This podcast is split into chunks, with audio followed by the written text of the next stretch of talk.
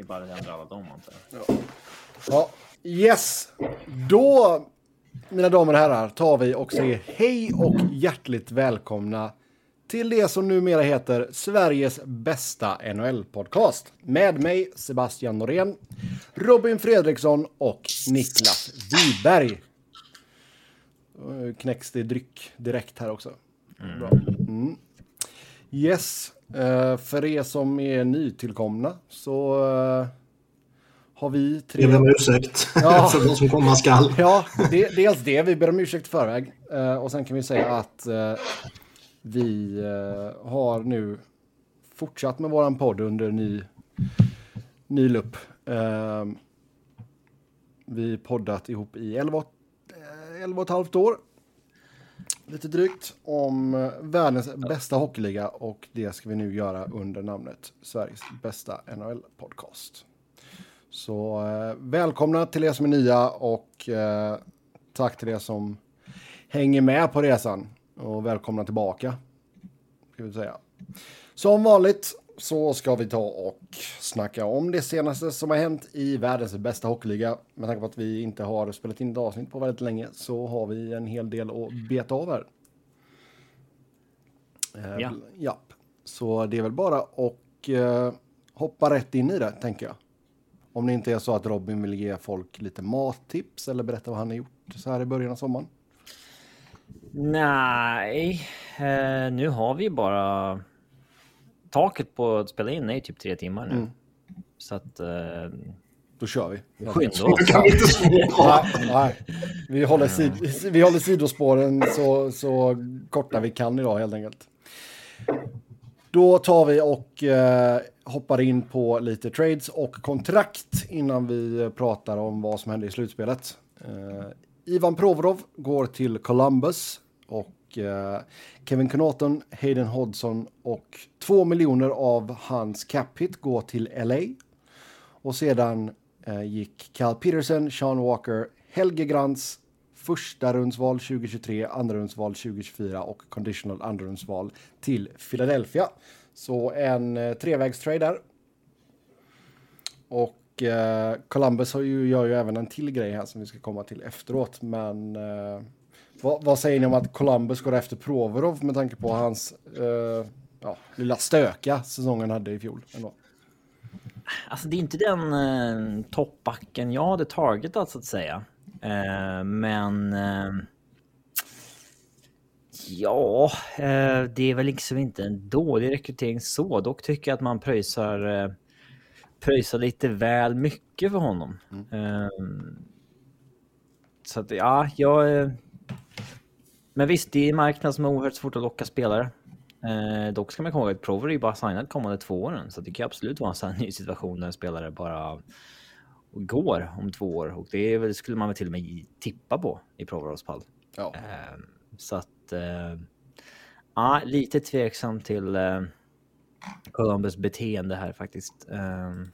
Ja, känns det inte som att det nu har faktiskt börjat bli lite press på eh, Kekkelainen? Eller? Kekkelainen behöver nog naila den här sommaren och eh, göra bra ifrån sig kommande säsong, annars ryker han. Skulle de komma liksom botten nu ett år till och kanske, alltså så här, då, då kanske det, mm, då kanske marken under honom börjar skaka lite. Jag vet inte hur hård liksom pressen från ägarhåll är i Columbus. Det är alltid väldigt svårt att veta. Mm. Eh, men... Mm. Jo, men alltså med tanke på att man landade Goodrow. Alltså, alltså det, det, var ju verkligen från left field. Alltså de kan ju tacka Philly för den. Det har vi pratat om tidigare. uh, men, ja, påminn mig. Men jag menar, där skruvades ju ändå så förväntningarna upp en del. Sen hade man otroliga problem med skador förra säsongen, absolut. Men trots det så var ju säsongen ett riktigt jäkla bottennapp och man var ju körda efter, efter resan i Finland mer eller mindre liksom. Det... Ja, uh Alltså, visst, alltså Provoron och Severson då som de tar in, det, mm. det, det höjer ju deras backsida över en natt något enormt. Mm. Så är det ju. Eh, det fanns ju inget annat bra kvar där förutom Verensky då som har varit långtidsskadad. Ja. Eh, ja, och jag menar det är ju grejen också. Han har varit långtidsskadad igen. Alltså, Han har haft jäkla uh, oflyt med skador. Liksom. Man vet inte riktigt vad hans status är. Alltså, för det kändes ju som att när han breakade så var det att ja, det här kan fasen bli en toppback på, på högsta nivå. Liksom. Nu vet jag inte ifall han har han fortfarande det taket i sig. Han är ändå så 25 bast nu.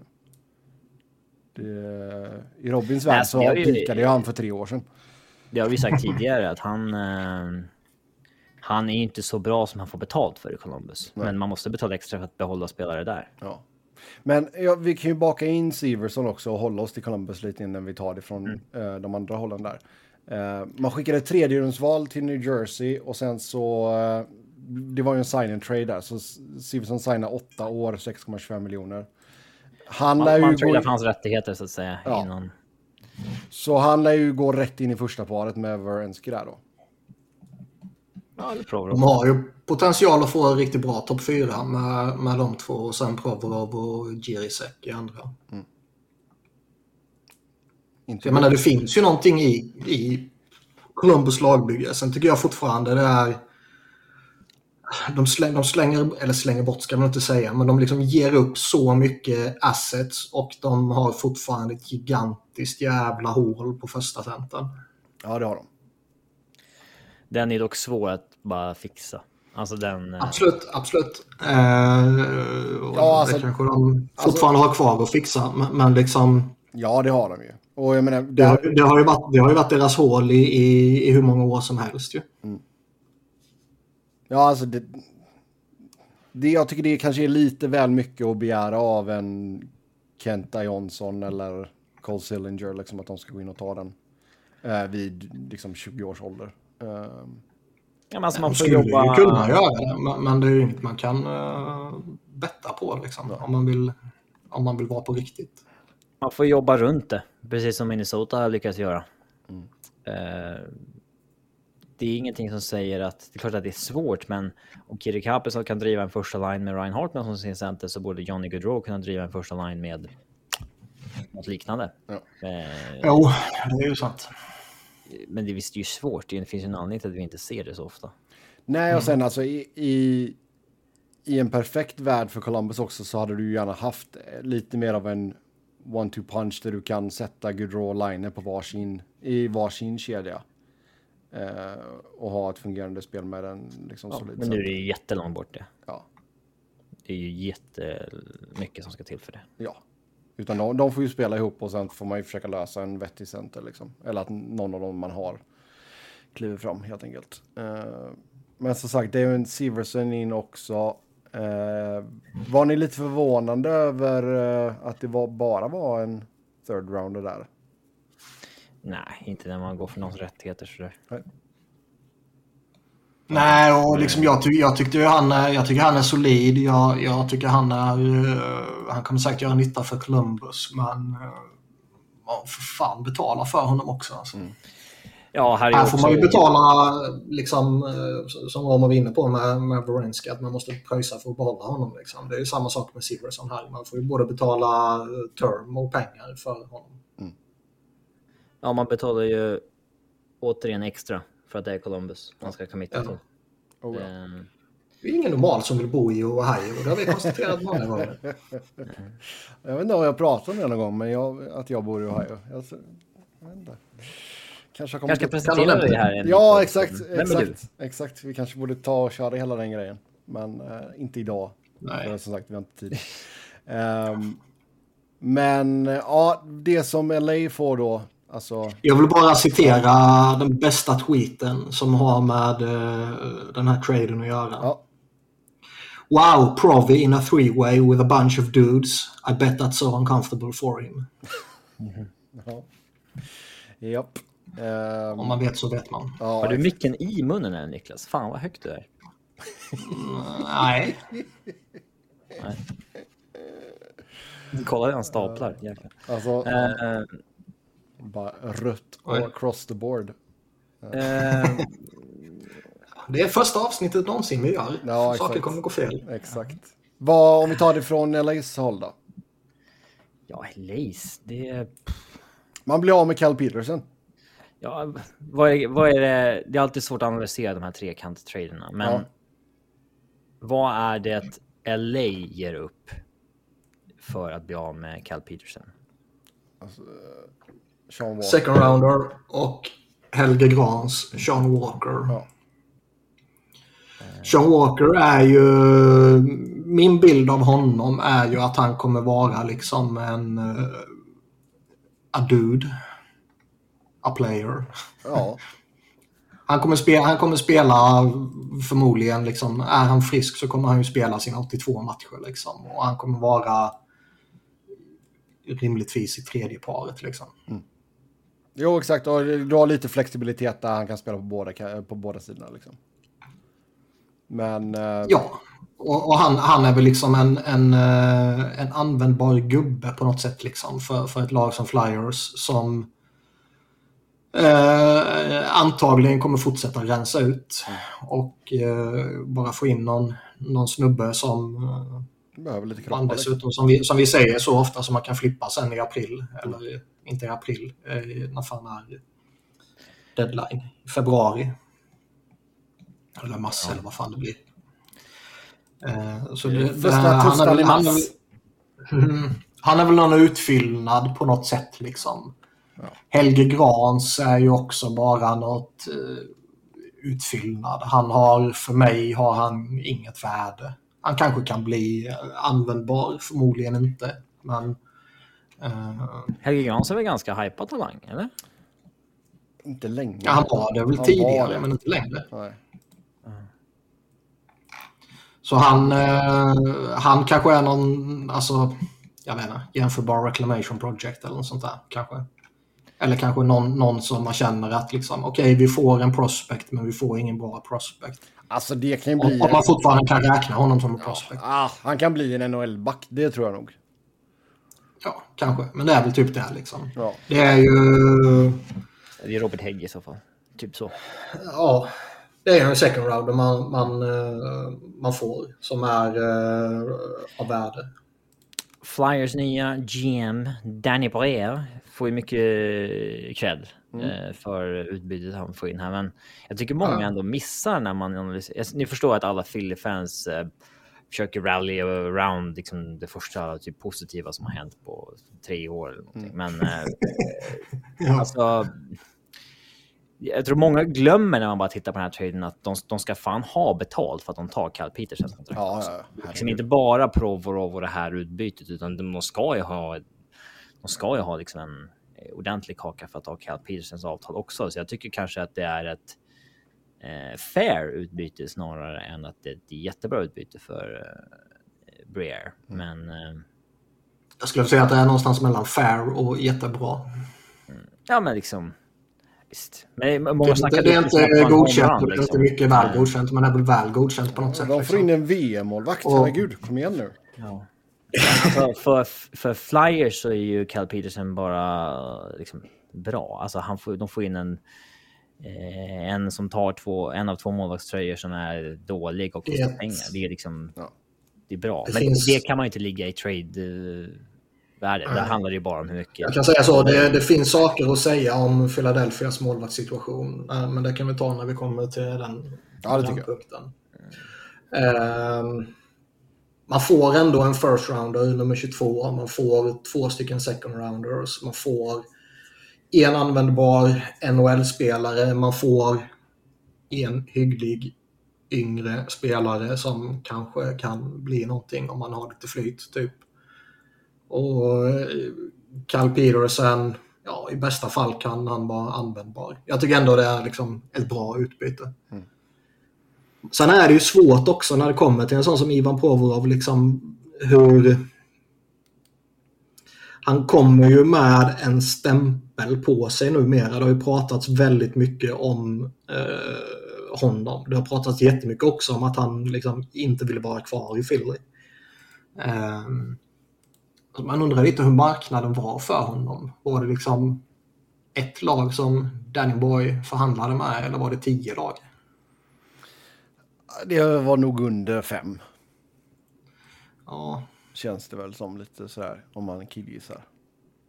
Men jag kan väl ändå tänka mig att det här är en trade som alla tre lagen är tillfredsställd med. Columbus vill ju bevisligen ha Provorov och de får in honom liksom billigt, i, alltså kapp då. Ja. Eh, man betalar dyrt för att få honom, men man får in honom till en billig peng. Liksom. LA får uh, bli av med Petersen, få lite utrymme till att göra lite andra grejer. Behöver heller inte slänga upp ett first round för att bli av med honom. Utan um, kommer undan relativt billigt sett till vad det har kostat att bli av med sådana kontrakt tidigare. Så är det Och sen får de ju ingenting överhuvudtaget. Kevin Connaughton och Hayden Hodgson är ju liksom irrelevant skräp. Ja, det är ju bara kontrakt. Eller liksom... Ja. ja. ja. Jo, absolut. Ja, så intressant där. Eh, som sagt, då tar vi och eh, jag tycker vi har Siversson behöver inte säga så. Höja upp din mick lite Sebbe. Om vi ska så. ha någorlunda samma nivå. Ja, ja, ja. ja. Så, jag... Sitter jag och höjer och sänker för att jag ska. Ja, exakt. Det kommer bli sak, samma sak för lyssnarna. Förlåt. Då tar vi och går vidare och eh, New Jersey, Jesper Bratt, åtta års förlängning, 7,8 miljoner i cap hit för Bratty Boy. Och... Eh? Bratty Boy. För Bratten. Mm. Så eh, ja, det känns nog bra och uh, 63 miljoner dollar ändå skriva på som 24-åring. Det är helt okej. Helt okej. Ja, det kändes ju som att när de inte vågade committa långt på honom förra sommaren. Mm. Då kändes det ju som i början på året att de höll på att att det skulle bita dem rätt rejält. Nu kommer man mm. undan ganska okej okay ändå, tycker jag.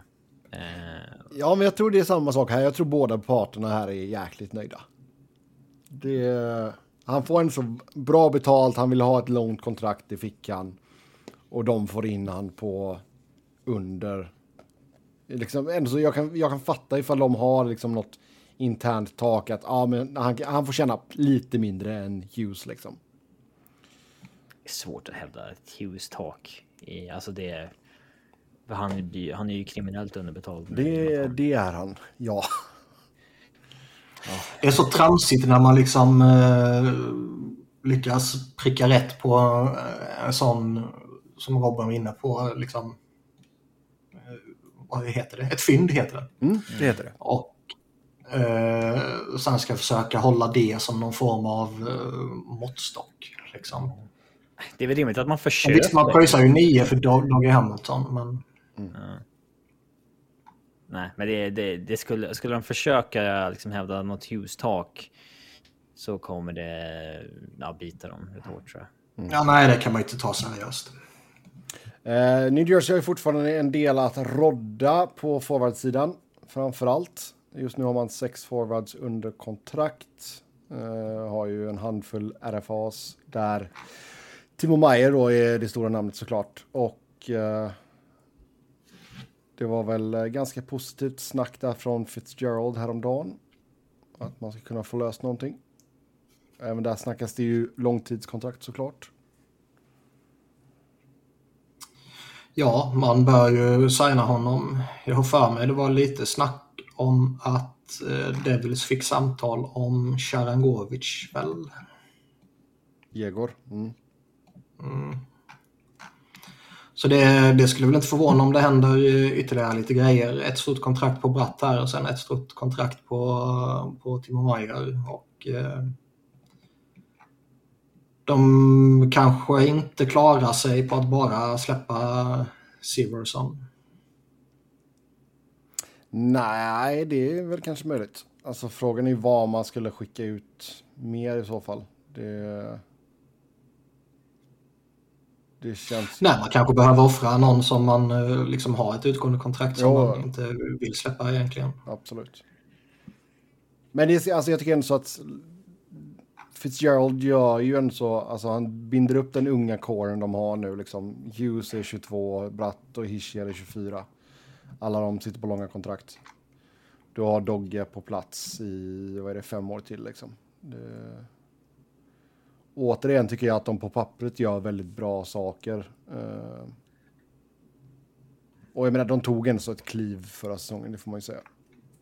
Oh Men uh, lite andra pusselbitar som han behöver sätta på plats där.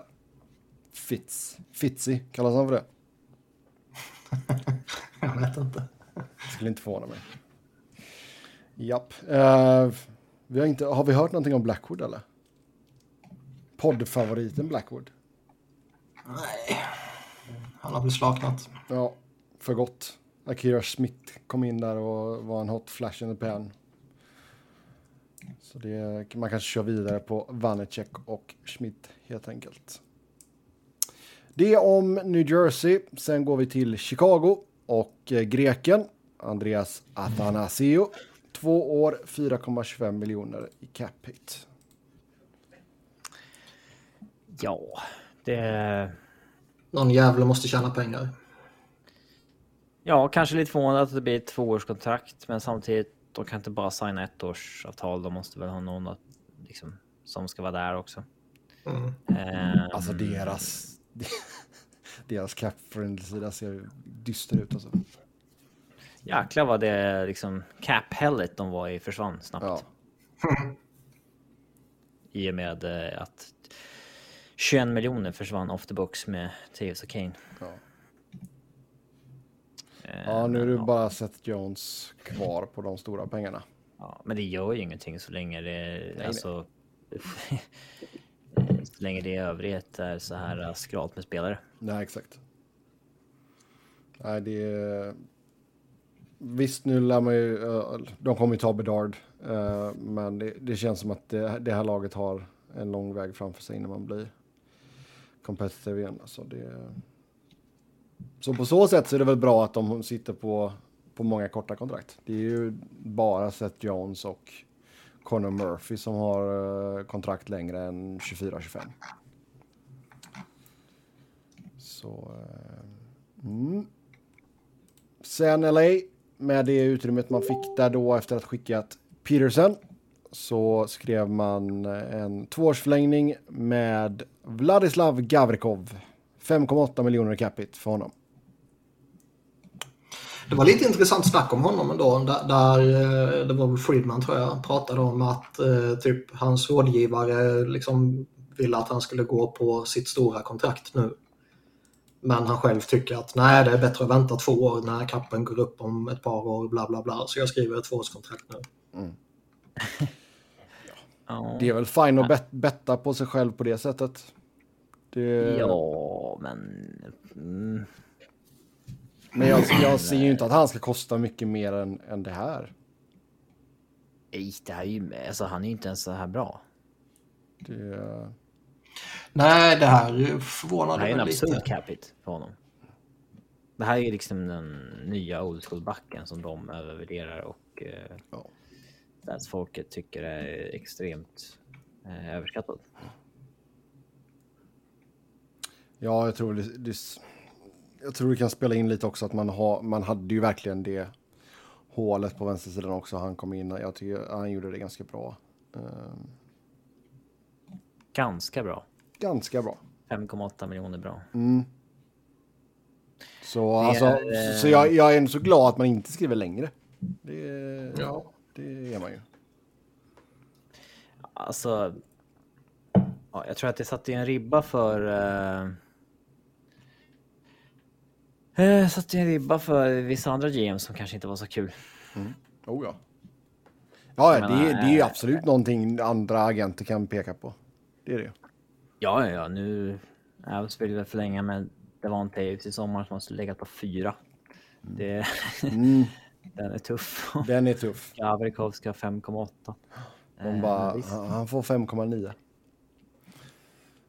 Uh, alltså men... han är en... Uh, han är liksom en, en, en medelbra back enligt liksom de underliggande. Typ, mm. Inte en dålig back. Inte så här good Branson när han tjänar fyra utan. Um, ja. Men visst, det är ett eh, rejäla Cal Peterson pengar man kastar direkt på Gavrikov. Ja. Det, det gjorde man. Så får vi se vad man hittar på mera. Man har ju lite RFAs och grejer. Och sen ska man även pilla in åtminstone en till back och en målvakt.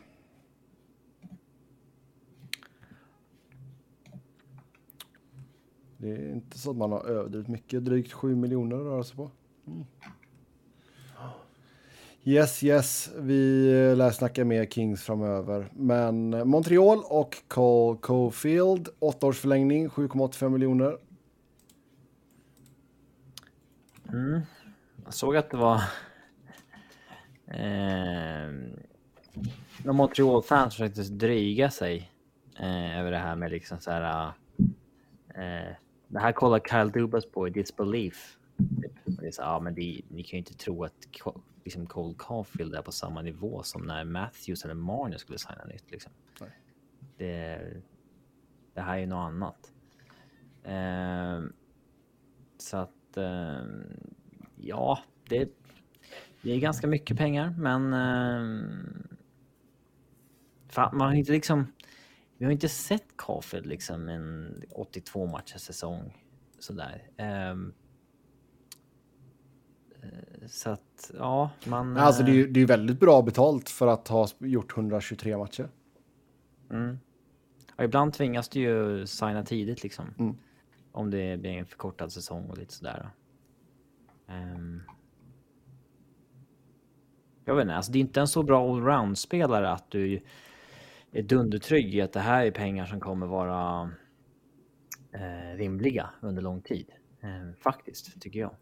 Nej, men alltså, vad, vad, vad, skulle du säga ribban är för honom rent, alltså, vi ser väl honom ändå så främst som en målskytt antar jag. Liksom, vad, vad ligger han kan ju utvecklas i, han kan ju ta, han kan ju ta ytterligare steg. Det, är inga, det vore inte konstigt. Eh, men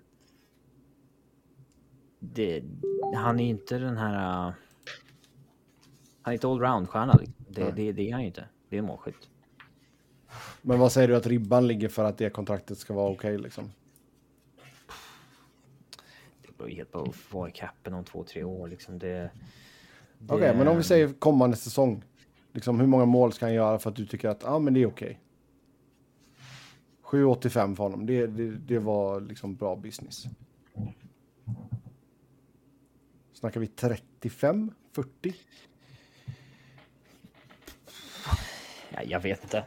Ge mig en siffra nu. Ge mig en siffra Robin. Vad han borde fått eller vad då? Nej, men det är alltså hur många mål han ska göra för att det här ska vara godkänt.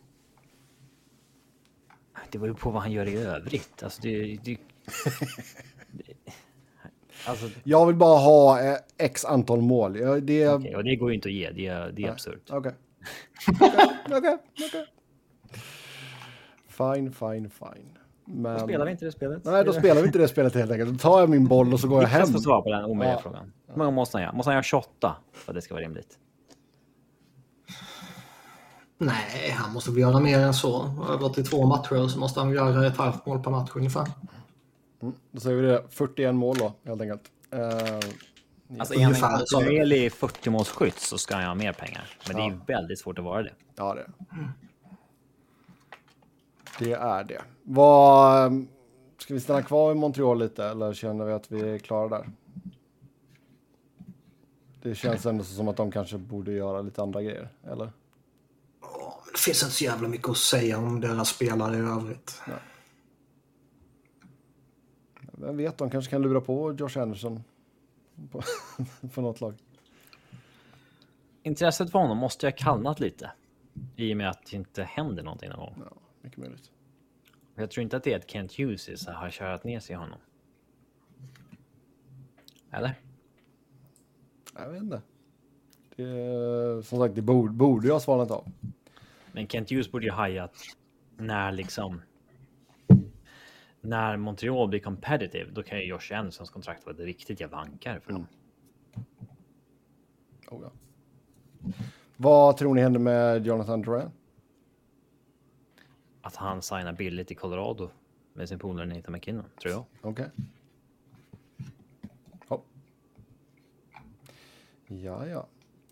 Uh, då har vi Buffalo och uh, kaptenen Kyle Poso. Ett år. Still going strong. Ett år 2,5 miljoner. Så det var ju lagvänligt i alla fall. Han har ju faktiskt kommit eh, tillbaka på ett hyfsat vettigt sätt. Ja, det har han. Ja, men alltså hållit sig eh, användbar. Lite mm. som eh, Milan Lucic lyckades ju liksom uh, hålla sig relevant också. Mm. Han var ju riktigt på väg ut för det första året i Calgary och så vidare, men han lyckades ju hitta ett sätt att ändå hålla sig. Ja, i en roll där han gjorde någon form av nytta eh, och eh, det går väl att säga samma sak om Kyle. Mm. Pozo. Ja, alltså problemet var ju bara alltså, hans kontrakt då liksom var ju. Han var ju inte i närheten av att vara värd 6 miljoner om året liksom. Det, Nej, det öppnar ju upp en del för Buffalo absolut. Oh, ja. ja, får vi se hur de använder det. Rasmus Dahlin signade aldrig det där kontraktet det surrades om, eller? Han har inte skrivit på någonting än. För det surrades väl om att det var nära med typ så här terms och grejer var ute. Gjorde det? Ja, det kanske bara var någon eh, eh spekulation. Jag vet inte. Ja, det är ju någonting de... Det är väl bara lika bra att lösa det nu i sommar liksom. Även fast han blir ärad för så känns det som att det är lika bra att ha det på plats. Mm. Kan man ju känna. Ja, på tal om fynd. Tage Thompson. Ja. Ser bra ut. Under 7,2. Ja, uh, där var vi ju... Ja, där tog ju de en chansning som Ja, det gjorde de verkligen. Det gjorde de. Sen, uh, alltså visst. Uh, och sen, alltså. Visst, han, han, hade ju inte tjänat. Han hade såhär nio kanske eller någonting. Alltså, det är inte. Nej, alltså, han skulle väl upp på Skinner-pengarna alltså. Det är absolut. Och det, där får man ju också säga, alltså om, om Kalle Poser studsat tillbaka och blivit serviceable så har ju Jeff Skinner studsat tillbaka och blivit bra. Mm. Jeff Skinner är väl vad han eh, är liksom. Alltså. Jo, men alltså du får ju ändå tänka alltså 19, 20, 20, 21. Han såg ju tyvärr slut ut. Ja, men det var också lite muppigt. Ja, det är klart det var muppigt. Av honom och sånt där med. Av dem, ja, vem fan de nu hade på sig då, men. Det är klart att han kan vara en envägsforward som gör 30 mål. Det har han gjort hela karriären. Ja. Sen om du tröttnar på att han inte är bra på att spela liksom i alla tre zoner, då kommer du ju behöva bänka honom så gör han 7 eller 14 mål på en säsong. Som mm. får välja själv. Ja, exakt. Vad du vill ha för spelare där. Ja. Jag har nog tagit 30 målskytten ändå och levt med det. Faktiskt. Sen i Minnesota så behåller man en av svenskarna där. Marcus Johansson, två år, två miljoner capita. Jag förstår egentligen inte varför jag skrev upp det här. Men han har också gjort ett bra jobb med att hålla, hålla sig vid liv i NHL så att säga. Han kändes ju också som att det var sista versen där ett, ett bra tag. Um, ja, alltså framförallt när han studs, studsade runt där ganska mycket. Jag menar, det var ju lämna Caps, kom till New Jersey och sen Boston, Buffalo, Minnesota, Seattle, Washington igen. Och... Ja, men han var ju... Ja, han signade ju... Han, det här är ju det dyraste kontraktet han skrivit av de senaste tre. Ja. Så, nej då, det är bra jobbat kan man säga. På sitt sätt. Sen Montreal ska ha kontaktat Anaheim angående val nummer två i draften. Tunt eh, samtalsämne får man säga. ja. Men vad har man att skicka mot det valet som Anaheim så skulle kunna liksom att ja men ja det får vi nog ta oss en funderare på. Det är ju inte, det är inte Josh ja, Anderson i alla fall. Det är det inte. Man har ju två first rounders till att börja med. Det mm. brukar ju kunna vara lätt att få byta upp. Mm. Inte bara få vara helt. Liksom. Nej, och eh, ska man upp till tvåan så får man nog ge upp något, något riktigt bra utöver sitt andra first rounder också så att säga. Antar jag. Ja, herregud. Jag, liksom, jag svårt att se bara, ja men det, det är en spelare som skulle väga över liksom. Det...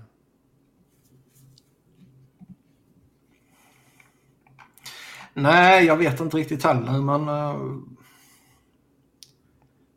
det räcker att Anaheim liksom gillar en av deras prospects och sen så får man ytterligare en draftval och sen så räcker det kanske. Men jag vet inte, det känns fortfarande...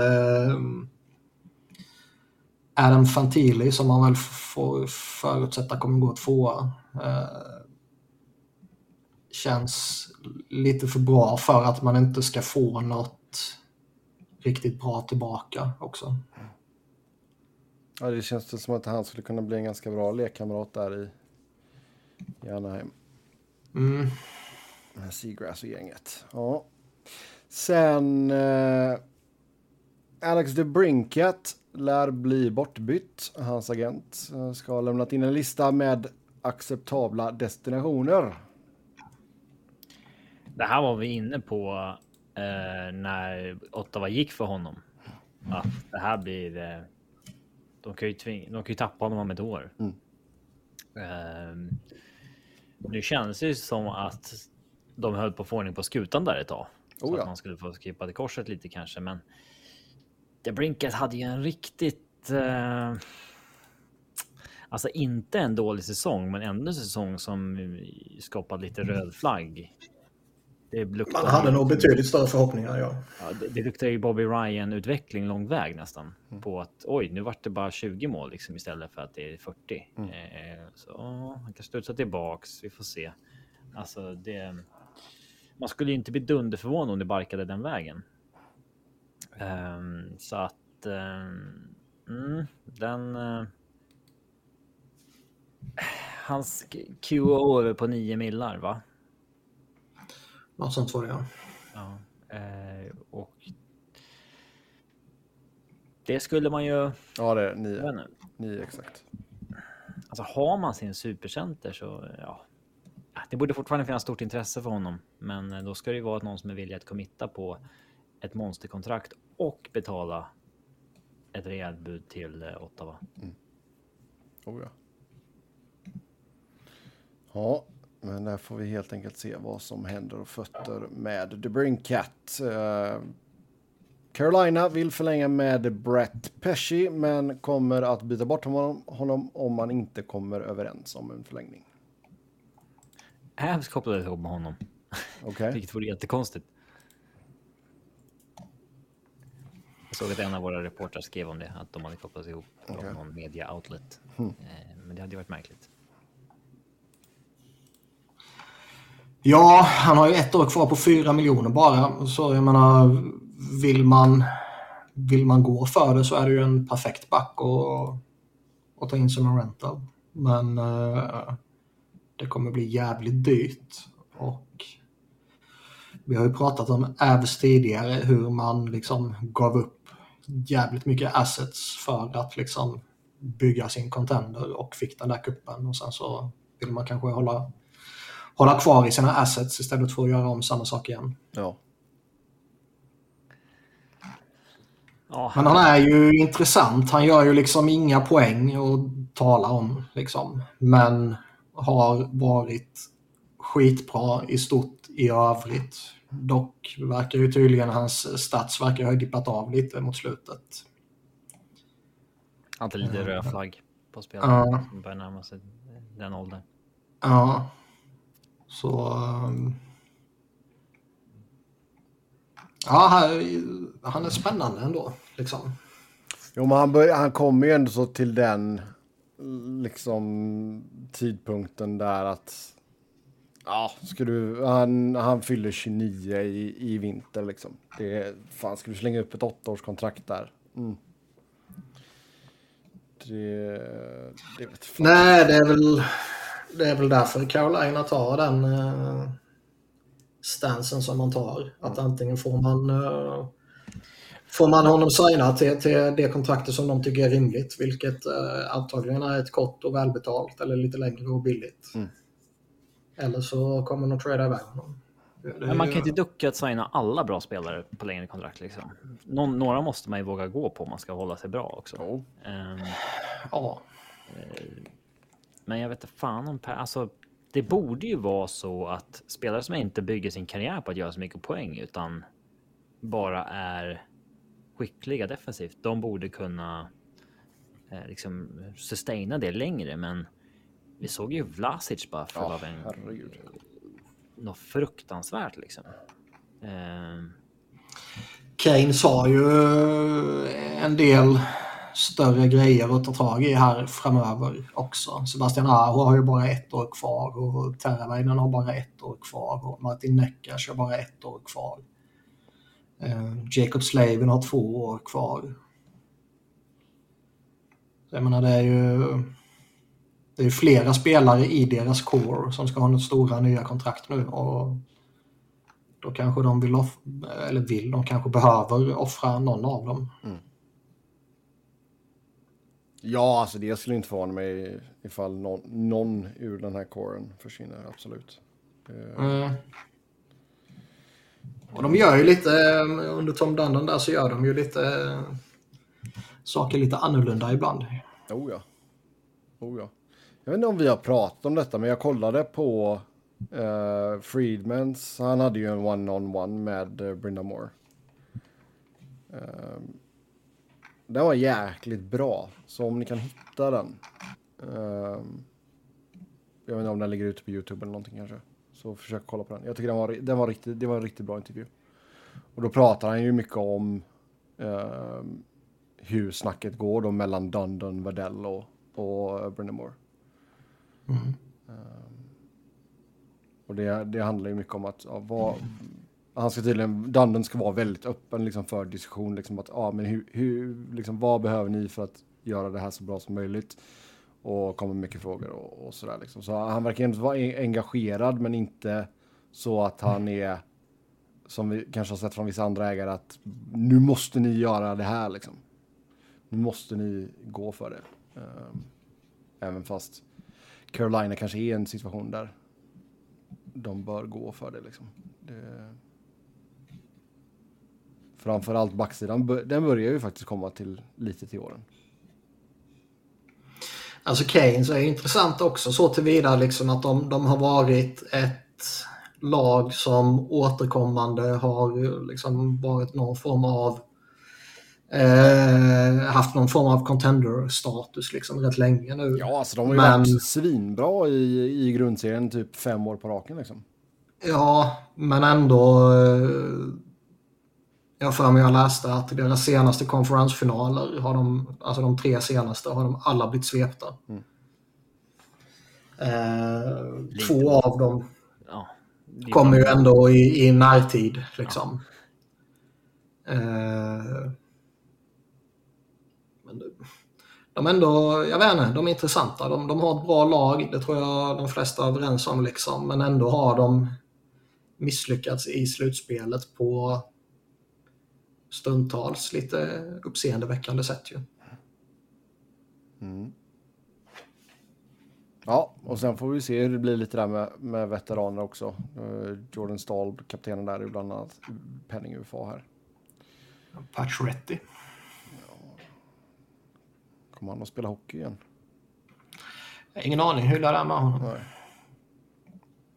Jag har tur man inte gav upp något för honom i alla fall. Så, ja. Yes, det om Carolina. Sen eh, Pierre-Luc Dubois vill bort från Winnipeg för de har ingen eh, flygplats. det, det var main, han bara nej jag kan inte, jag kan inte bo här. Ja, men alla vet ju att han vill till Montreal. Alltså han vill ju bort från alla, han ville bort från Columbus, nu vill han bort från Winnipeg.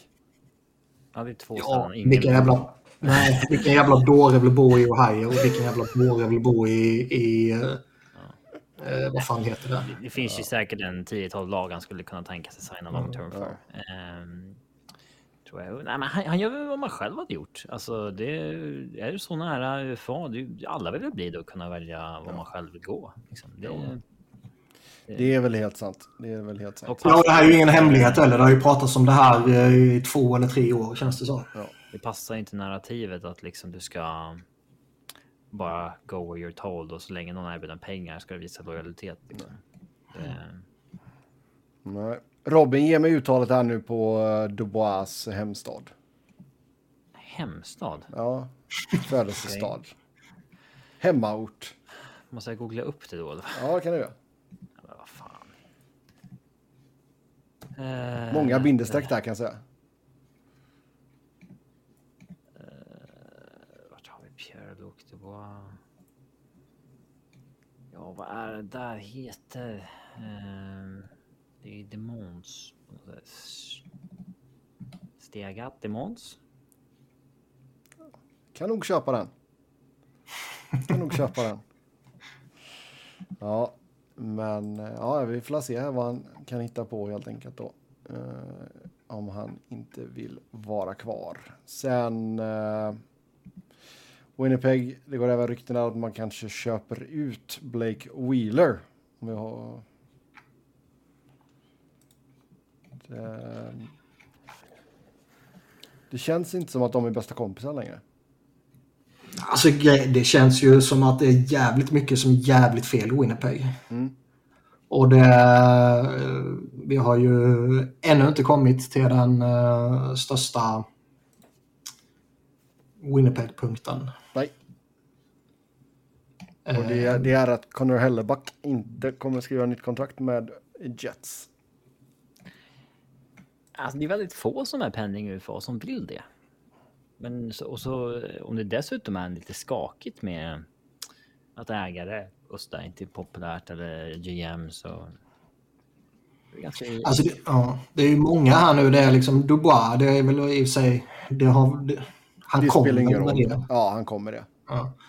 Men det är liksom ändå Conor Hellebuck som är liksom ryggraden i hela jävla laget. Och sen är det Blake Wheeler som eh, är liksom den före detta lagkaptenen som la sig på en helt sjukt hög nivå och sen så inte har kraschat. Men, men liksom i relation till vilken sjukt hög nivå han var på så har han ju nästan kraschat. Ja, åldern kom ikapp honom liksom. Det, han, Ja. han är 36 bast nu liksom. Jag tycker ändå så han gjorde klart godkänt ifrån sig denna säsongen.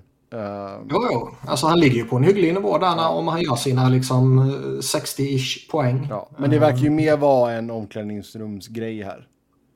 Ja, och sen så har det varit mycket snack om Mark Scheifele också. Liksom. Så det är flera liksom, framträdande profiler, spelare som uh, det surras om. Så jag vet inte, nå- något är ju genuint fel. Om det sen är eh, liksom, organisationen eller om det är front office eller om det är liksom eh, the leadership group Ja. eller om det är truppen i stort. Alltså det, det är väl jävligt svårt att säga men någonting är ju, är ju fel. Wheeler var ju inte nöjd med Bones, Bones kommentarer efter att han hade gått ut där. Nej, och nej, det, det känns som jag sagt det, det känns bara som att det är liksom inte bara en spelare som det är en dålig fit för utan det är jättemånga. Och jag menar, skulle de rensa ut alla de här så... Alltså, var står man då? Mm. Alltså, visst... Eh, Blake Wheeler som vi sa, han har gått ner sig lite och Mark Scheifele har väl kanske gått ner sig lite också, även om han eh, hade en imponerande målskörd denna säsongen. Liksom. Eh, Conor Helleback är väl, många skulle väl säga att han är ligans bästa målvakt. De flesta skulle väl säga att han i alla fall är topp tre eller topp fem. Liksom. Ja, ja. Och eh, jag tappar allt det på ett bräde om det skulle ske över, över sommaren. Jo, men, och jag menar, där kan jag ju verkligen också, alltså, just prata om, det med Dubois, liksom att du, du vill ändå så kunna bestämma vart du hamnar och allting. Jag kan ju verkligen köpa det med Helleback, liksom. Han har ändå varit där ganska länge nu. Winnip- Winnipeg hade en period där man på pappret hade ett väldigt slagkraftigt lag. Det har inte blivit någonting av det. Han håller fortfarande liksom absoluta toppklass. Är, jag kan absolut köpa att han vill gå någonstans där han känner att han har en bättre chans att vinna. Det, han, har ju, han har ju gjort vad han har kunnat för att Winnipeg ska kunna gå långt liksom. Så är det ju. Var, var kan han gå för någonstans? LA. Ja, LA bör väl eh, vara ett av lagen som letar målvakt. Buffalo bör ju vara det. Jo, men det, alltså det, nu snackar vi en sån kaliber av målvakt där många lag borde göra plats för att kunna ta in honom. Liksom. Det, det är ju inget snack om saken. Alltså det, det beror på. Vi... Återigen så ser man ju att man behöver inte ha den bästa målvakten för att vinna kuppen.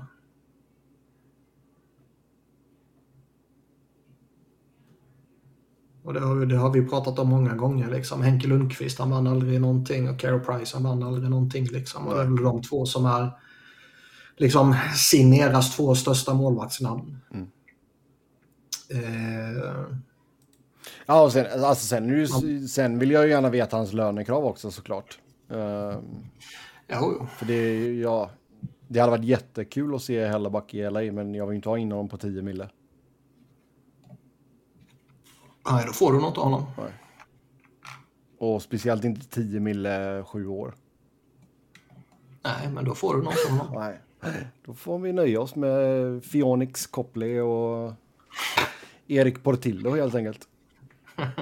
Ja. Ja. Men eh, nej då, det bör ju vara högintressant eh, namn. Men liksom då, då måste ju de lösa en trade här nu också. Du kan ju inte tappa honom gratis. Nej, nej. Jävla i mig. Det kan man inte.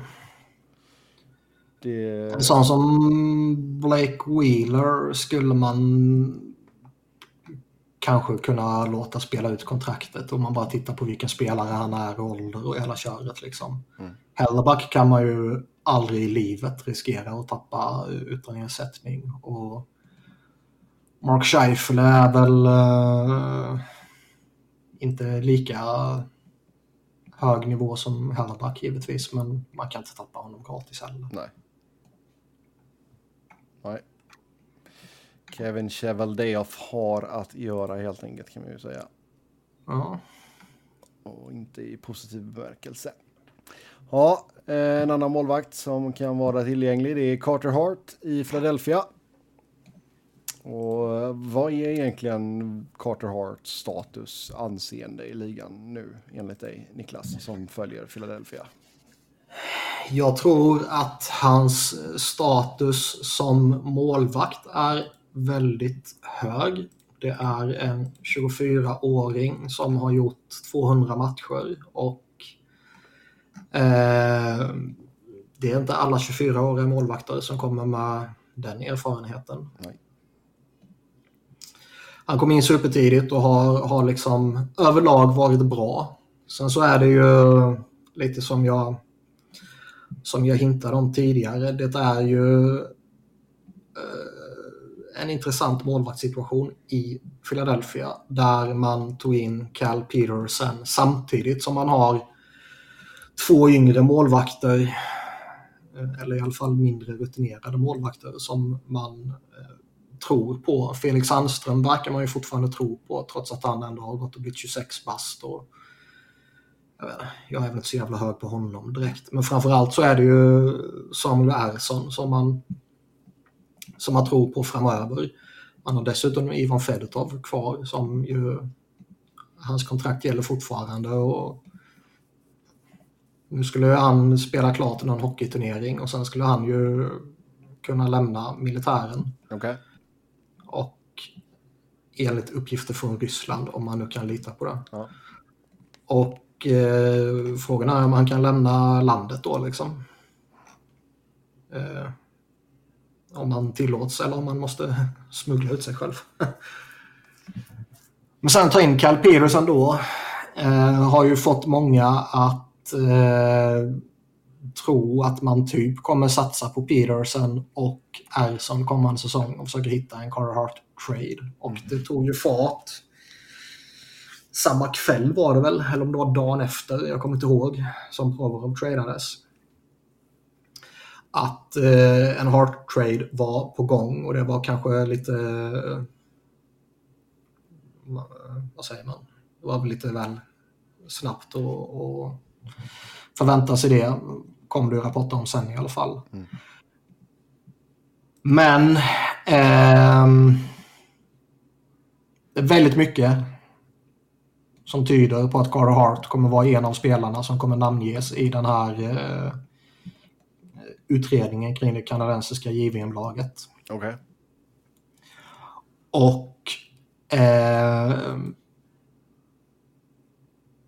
det har ju spekulerats väldigt mycket i vad det kan innebära för de här spelarna. Eh, det har ju till och med spekulerats i att det skulle kunna resultera i eh, avstängningar. Liksom. Och att man inte kan trada för en målvakt som man eventuellt inte kommer kunna ha tillgång till. Eh, om det sen är två matcher så är det ju ingen som kommer bry sig om det i, i, liksom, i relation till att oh, vi kan inte trada för någon som kommer missa två matcher. Man är längre än så, vilket man ju inte vet. Eh, kan vara en chansning ju. Men det är väldigt mycket som tyder på, på att han kommer vara en av de spelarna. Och eh, det kommer ju rimligtvis, oavsett om det kommer någon avstängning eller inte, så är det väl rimligtvis så att mm, flera lag får man ju anta eh, avskräcks av det. Garanterat ett antal lag som inte bryr sig ett skit om det, så länge det inte kommer med någon avstängning som kan påverka dem sportsligt. Nej. Vi ser ju Columbus nu till exempel har ju liksom... Det är Provorov in och sen så snackas det ju om att Mike Babcock kommer att bli ja. coach. Columbus bryr sig inte ett skit om vilket anseende liksom. Så det finns ju garanterat andra lag som inte gör det heller. Så det är ju en, en intressant målvaktssituation i Philadelphia ännu en gång. Mm.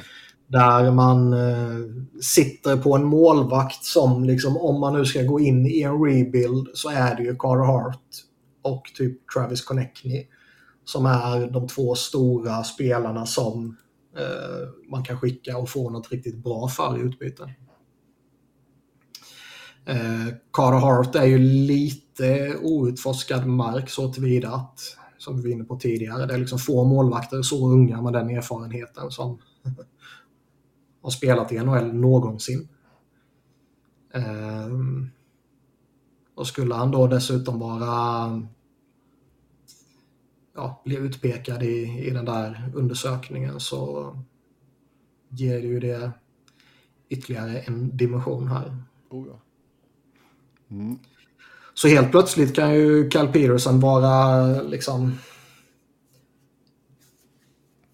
viktig, är kanske att överdriva, men, liksom ändå ett betydande inslag på rosten så tillvida att man liksom sätter honom som veteranen jämte eller bakom Samuel Ersson. Jag vet inte, det, det, ska bli intressant att se vad som händer här. Det, det var ju till och med under finalen kom det ju fram att den här utredningen typ är klar men att de kommer vänta med att släppa den. Eh, då kan man ju anta, eftersom det är NHL vi pratar om, att det är någon spelare som var involverad i finalen som kan ha varit med i det här laget utan att man har kollat på, på rosten i och för sig. Mm. Men det känns ju inte orimligt. Ja. Yes, det har ju hänt en del i Philly sen vi snackades vid senast. Uh, Danny Breer blev ju permanent GM han var interim förut. Sen har Keith Jones klivit in som POHO, President of Hockey Operation.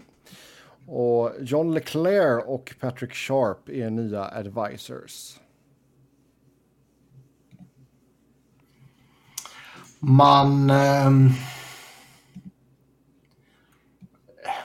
vad tycker ni om Keith Jones till att? Helt okej okay i tv-rutan. Jag vet inte hur han kommer vara som en POHO. Alltså det... Man får inte... Det finns ju vissa att man varit på tv som man har tyckt säger det vore intressant att se hur det, hur det vore om den skötte ett lag liksom. Um, och Keith Jones är väl inte en av dem. Man är så här, han vore intressant att se. Um, det är svårt att bara... Alltså så här, på ett sätt är det svårt att analysera folk från tv-håll, men mm. på ett sätt är det också så här, du skulle kunna sålla bort ganska många också bara baserat på vad de säger i tv. Um, du ser inte Paul ja. Bissonette som en framtida Poho helt enkelt? Nej. Eller Dronic liksom. Nej. Som skämde ut sig där liksom. Ja. ja. Alltså det... Ja. Men jag tycker inte att Keith Jones skämde ut sig i tv. Eller liksom... Nej, jag tycker han är rätt underhållande. Jag tycker han är, är rätt vettig. Han är, han är ju ingen liksom uh, banbrytande, liksom uh, modern snubbe som har helt nya idéer som han Nej. snackar om. Liksom. Däremot så är det ju vad det framstår som och vad man har fått förklarat och, och vad som har liksom andra har pratat om. Så Danny Breer kommer ju bossa för allt som har med det sportsliga att göra och Keith Jones kommer ju vara något form av språkrör utåt typ. Mm. Och där verkar ju de flesta vara överens om att han passar rätt bra in i den rollen. Oh, ja. han, han, är ju ingen liksom Keith, Keith Jones Poho eller Kyle Dubas Poho är ju två helt olika liksom, två, olika, två, två helt olika Pohos. Ja, liksom den, den ena är ju, Kyle Dubas är ju de facto GM. Ja. Eh, men han ger sig själv Poho-titeln så att han slipper göra allt det tråkiga som en GM måste göra. Får man ju anta. Ja. Eh, och han vill väl ha ännu större makt också efter vad som kanske hände i Toronto. ja, vi kommer till den. Eh, Keith Jones kommer ju vara liksom den som kommunicerar och den som kommer vara ute och visa upp sig och, och sådär. Där verkar han ju vara jätteuppskattad. Sen är det klart att det är lite, liksom, återigen blir det ju det här liksom att oh, det bara slumpar sig så att de två bästa kandidaterna för GM och Poho var liksom uh, former flyers. Uh, det är som Charlie O'Connor brukar säga att liksom det det kanske skulle kunna vara så att den bästa kandidaten faktiskt är i den lilla, lilla gruppen som du känner jättetajt. Förmodligen är det inte så om man begränsar sig. Ja, alltså jag tror absolut att det, att det ligger till en fördel för dem att de har ett förflutet i klubben. Det tror jag absolut. Det... Jo, men det är uppenbart liksom. Och det, det, har man ju sett nu när, när de har försökt sälja in eh, sin rebuild här. Liksom. Att vi, vi ska gå tillbaka till, till det gamla Flyers. Och sen så menar de väl det mer i, i uh, något övergripande. Att man ska liksom komma närmare supportrarna och man ska brinna för det och vara mer engagerade och hitta gamla Flyers-kulturen runt omkring. Liksom. Mm. Sen har ju Danny Breer och Jones också för den delen, men framförallt Breer har ju ändå pratat liksom lite uppfriskande om, om uh, ja, vi ska inte gå tillbaka till Broad Street Bullies liksom. Nej. Nej, det hade nog inte funkat 2024. Det, Nej. det tror jag inte. Sen, eh... Sen så är jag ju överlycklig över att husguden John Leclerc är tillbaka i Flyers igen. Ja. Sån uppenbar fanservice bara. Ja. Jag går på det så det bara sjunger om det. Ja. Och snart kommer väl Eric Lindros också och jag kommer gå på det också. Är det därför, är, är det därför Mikael Renberg lämnar SVT? Renberg... Däremot så... Man är ju... Patrick Shark anslöt ju också. Och eh, han kan man inte räkna som en former flyer. Han gjorde typ 60 matcher eller någonting innan han blev ivägskickad och blev en stjärna i Chicago. Men måste man verkligen gå in och ta in en, en eh, ledande snubbe från 09-10 Chicago-laget? Med allt som händer där, allt som har kommit fram. Uh, ja, det... alla som var där ska nog inte vara liksom guilty by association forever från att jobba med hockey tror jag inte. Nej, det behöver de absolut inte vara. Men de, eh, jag kan tycka att de ska vara det för mitt lag.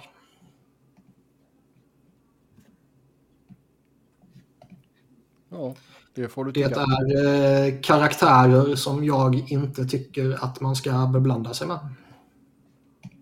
Alla som var där har ju... Allt tyder ju på att alla som var involverade i eh, truppen liksom kände till det här och eh, uppenbarligen så var det inte en enda som engagerade sig och gjorde någonting. Nej. Och eh, som jag sagt tidigare, då kan de dra åt helvete och jag vill inte ha dem i mitt lag. Ja, sen då så går jag över till Pittsburgh. Eh, Toronto förlängde inte med Carl Dubas. Han var ledig några dagar och sen blev han eh, President of Hockey Operations då i Pittsburgh Penguins. Och som sagt, mer övergripande roll där han är både Poho och GM. Um, ehm. och ja, vad tror ni? Kommer Toronto ångra detta? Att man inte förlängde med honom?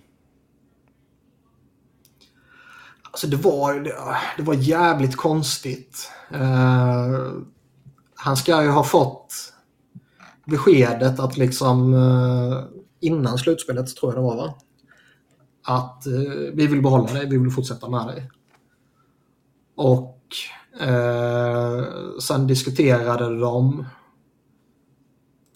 efter slutspelet och började förhandla och så ska han ha fått ett erbjudande och så ska han ha tagit till sig det erbjudandet och kommit med ett moterbjudande. Där han, om jag kommer ihåg rätt, ville ha lite bättre betalt och jag tror han ville ha lite mer makt också kanske väl. Och så hade han uttalat sig om att han typ inte riktigt visste vad han skulle göra. Typ. Och då när han hade sagt så och han hade kommit med ett moterbjudande så hade Brandon Shanahan och company kommit fram till att eh, nej, du verkar inte vara omfamnad här helt och hållet. Tack och hej. Trots att de ville förlänga med honom och han ville vara kvar. Eh, så bröts det på ett lite märkligt sätt tycker jag. Mm. Nu var det rätt länge sedan så jag kommer inte ihåg alla detaljer men det var ju någon som jämförde att, eh, vad fan heter de som äger Toronto? MLSE va? Ska vi kolla Något sånt. Eh, att de äger ju också något annat professionellt lag i Toronto. Ja, just det. MLSE. Ja, och hade gjort något liknande med någon annan eh, GM eller motsvarande eh, i, det laget. Jag vet inte om det var basketlag eller vad En fan. jävla massa grejer de äger då. Maple Ja. Leafs och Raptors och FC och... Ja. Ja. Men så var det någon som jämförde med att de hade gjort exakt samma sak där när det var någon, någon annan liksom framträdande GM och sånt där som hade krävt lite mer betalt och så här och så hade det inte riktigt slutat särskilt bra. Nej. Sen kommer det väl fram lite också att han var väl lite missnöjd i Kjell Dubas där han hade försökt driva igenom saker och sen hade kände han typ satt in sitt veto och så tyckte han att vad fan. Och det är väl alltid lite, lite svär för en GM. Kan Ja, herregud. Det är klart. Konstigt det där med vart en, en, eh, en president of hockey ska lägga in ett veto. Det känns ju som att... Jag kommer inte ihåg vilken trade det var nu heller, men de rapporterade ju konkret vilka trade det var. Om den blev av eller inte sen, det kommer jag inte ihåg. Jag tycker inte att man borde behöva sälja in varenda trade uppåt liksom. Men eh, däremot borde man behöva sälja in en plan uppåt. Att liksom, nu tänker jag rebuilda här, är det lugnt? Ja eller nej? Alltså nu tänker jag kolla av marknaden på Crosby, Malkin eller Tang. Är det okej? Eh, och liksom, är, är planen inte... Det är där någonstans en Preston Hockeyops kanske ska säga ja eller nej. Eh, jag ska försöka göra oss bättre nu för att gå för det. Säger då president Hockeyhopsen ja, då får man väl göra vilka trade man tycker är lämpliga för att bli bättre nu. Liksom. Eh, Ja, det är ju med viss reservation. Det är ju rimligt att en president eller till och med ägare liksom har ett veto när det kommer till liksom stora pengar. ja, spelare som är marketing value för... Ja. ja. och så vidare. Men i det stora hela håller jag med. Ja, ehm, om vi håller oss... Och som sagt, som, som vi var inne på, det, det är ju därför han, han blir ju Poho i uh, Pittsburgh. Och inte bara GM. Det blir väldigt intressant att se honom där nu för att han har ju. Vi har ju bara sett honom göra en resa så att säga. Rebuilda i Toronto och ja, försöka vinna då med en ny ung core. Men det här att nu ska han försöka kräma ur det sista ur en åldrande core och sen rebuilda. Eh, Det blir. Det blir, det blir intressant att se hur mycket av framtiden han vågar offra för att de ska ta en kupp till Ja. I Pittsburgh. Det ska också bli intressant det här, för han har ju varit rätt duktig på att få bra spelare till Toronto på lite billigare kontrakt. Mm. Och frågan är ju liksom hur stor del hade han i det och hur stor del liksom var det, ja men det är Toronto, de vill komma hem till Toronto som, som var... Toronto är äntligen bra, liksom, typ så. Ja, ja. Det, men där, där måste han ändå få, få ett viss cred att han ändå lyckas lösa det återkommande. Så det ska ju bli intressant att se om man lyckas göra det med Pittsburgh också. För, för jag menar, Sidney Crosby är fortfarande Sidney Crosby. Ja. Sälja in och spela med Crosby och Malkin också för den delen, eller Letang eller Jake Intzel. Det, det, det Men- borde man ju kunna. det, det är svårt att när du hade en core som var 25, då kan du ju signa de här Joe Thornton, Spetsas och så vidare som är 36-37 på de här billiga kontrakten. Men du kan ju inte fylla ut din roster med nya sådana 36-37-åringar när du redan har en core som är så gammal. Nej, så är det. Där behöver man ju hitta eh, andra spelare. Han behöver ju hitta sin eh, nya Michael Bunting. Liksom. Oh, ja. ja, det blir intressant att följa i alla fall. I Toronto så är det Brad Trilliving som kommer att basa efter att ha lämnat Calgary. Han var inte heller ledig så jättelänge. Det är otroligt osexigt, eller hur? Extremt. Han har ju...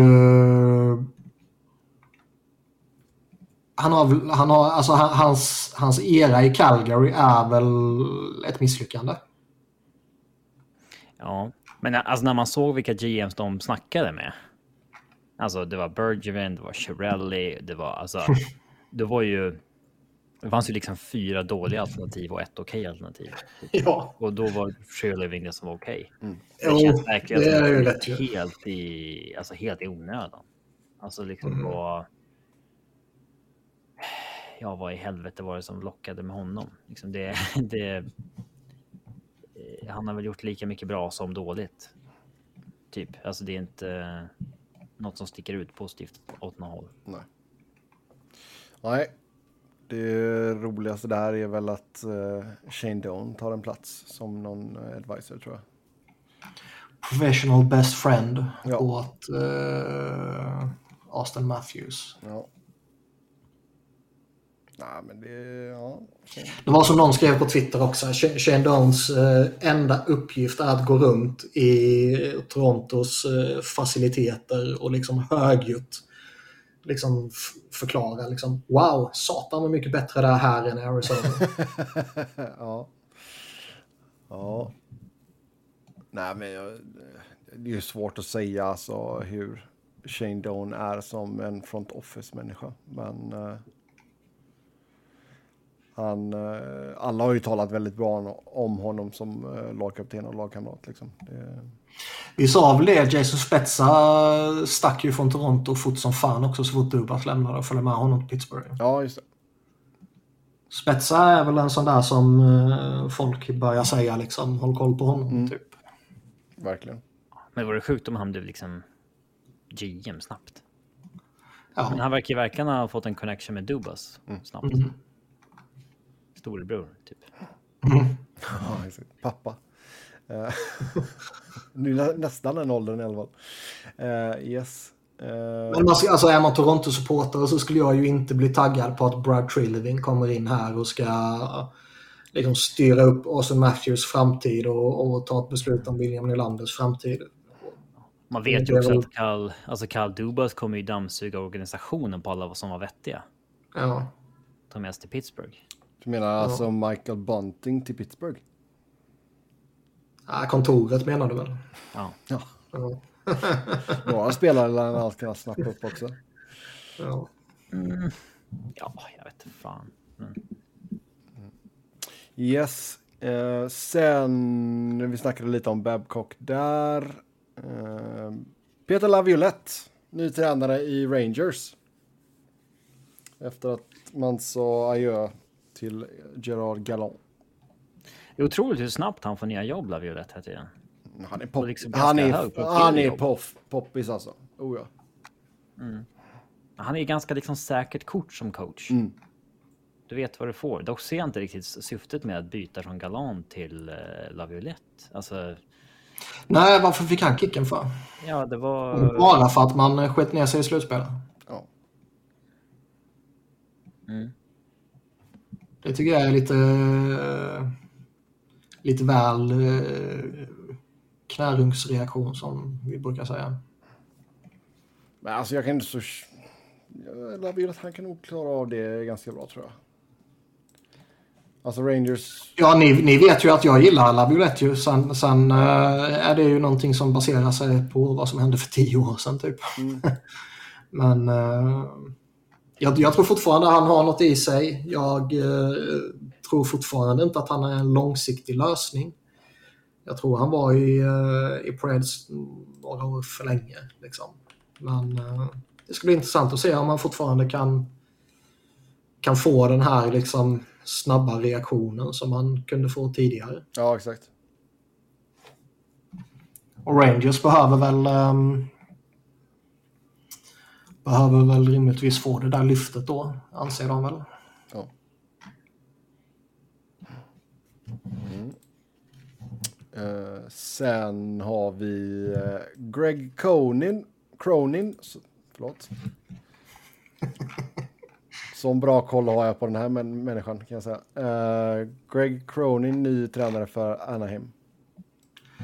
När man såg den här tweeten, att det dök upp liksom oh, Welcome to Anaheim, Greg Cronin. Så tänkte man liksom, jaha, är det någon ny typ liksom eh, player development snubbe som de har skakat fram liksom, eller vad är det här för någon? Jag kan inte minnas att man har hört hans namn tidigare. Som liksom någon som är aktuell. Men han kommer ju från Colorado Eagles. Ja, Vad säger, ja, vad säger Robin om det Avs? ja, alltså Avs har inte haft något... De har haft ett ganska bra AHL-lag senaste åren, men det har inte varit... Um, Alltså de har inte haft så mycket prospects att jobba med. Eh, han har väl snarare gjort det framgångsrikt därför att han har nobbat de få prospecten de har haft. Alltså för att de inte har varit till bra typ. Um, nej, men han har, han har ganska gott rykte i alla fall. Um, Han är alltså två år äldre än Laviolette. Det kan man inte tro om man bara ser bilder på dem kan jag säga. det är dock rätt coolt när folk får sin chans förr eller senare. Som Ja, är verkligen har liksom... 60 bast och tar sitt första head coach jobb i eh, NHL. Ja, alltså han var liksom på 90-talet eh, mycket college-ligor eh, och sen lite ASS-jobb i början på 2000-talet i Islanders. Sen vart det liksom coacha lite AHL, sen bort till college igen. Men han var ASS-coach i Toronto där 11 till 14. Då var de värdelösa i och för sig. Islanders var han ju igen efter det. Sen head coach AHL. Ja, så det, det är en eh, lång, lång väg till det här eh, um, Anaheim-jobbet. Så min dröm om att bli commissioner en dag, den, den lever fortfarande. helt. Commissioner. Man, man är ju inne i det också. Det är liksom Gary ringer upp. Nu, nu är det dags för mig att tacka för, för mig. Sebbe, kom in och styr upp detta. Du får, Men det är inte, du får, du får inte sån här, flytta på eh, Arizona. Det är ju intressant när en sån här snubbe kommer in och får sitt första jobb just under premisserna som rimligtvis kommer finnas i Anaheim framåt. Liksom. Att det handlar fortfarande om att bygga nytt och det handlar fortfarande om att förvalta den unga kåren man har och som man kommer bygga på också. Ja. Eh, lite intressant att följa ändå. Oh, ja. ja, sen eh, Washington gick med Spencer Carberry efter Laviolette. Också en sån här snubbe som man inte har minsta koll på.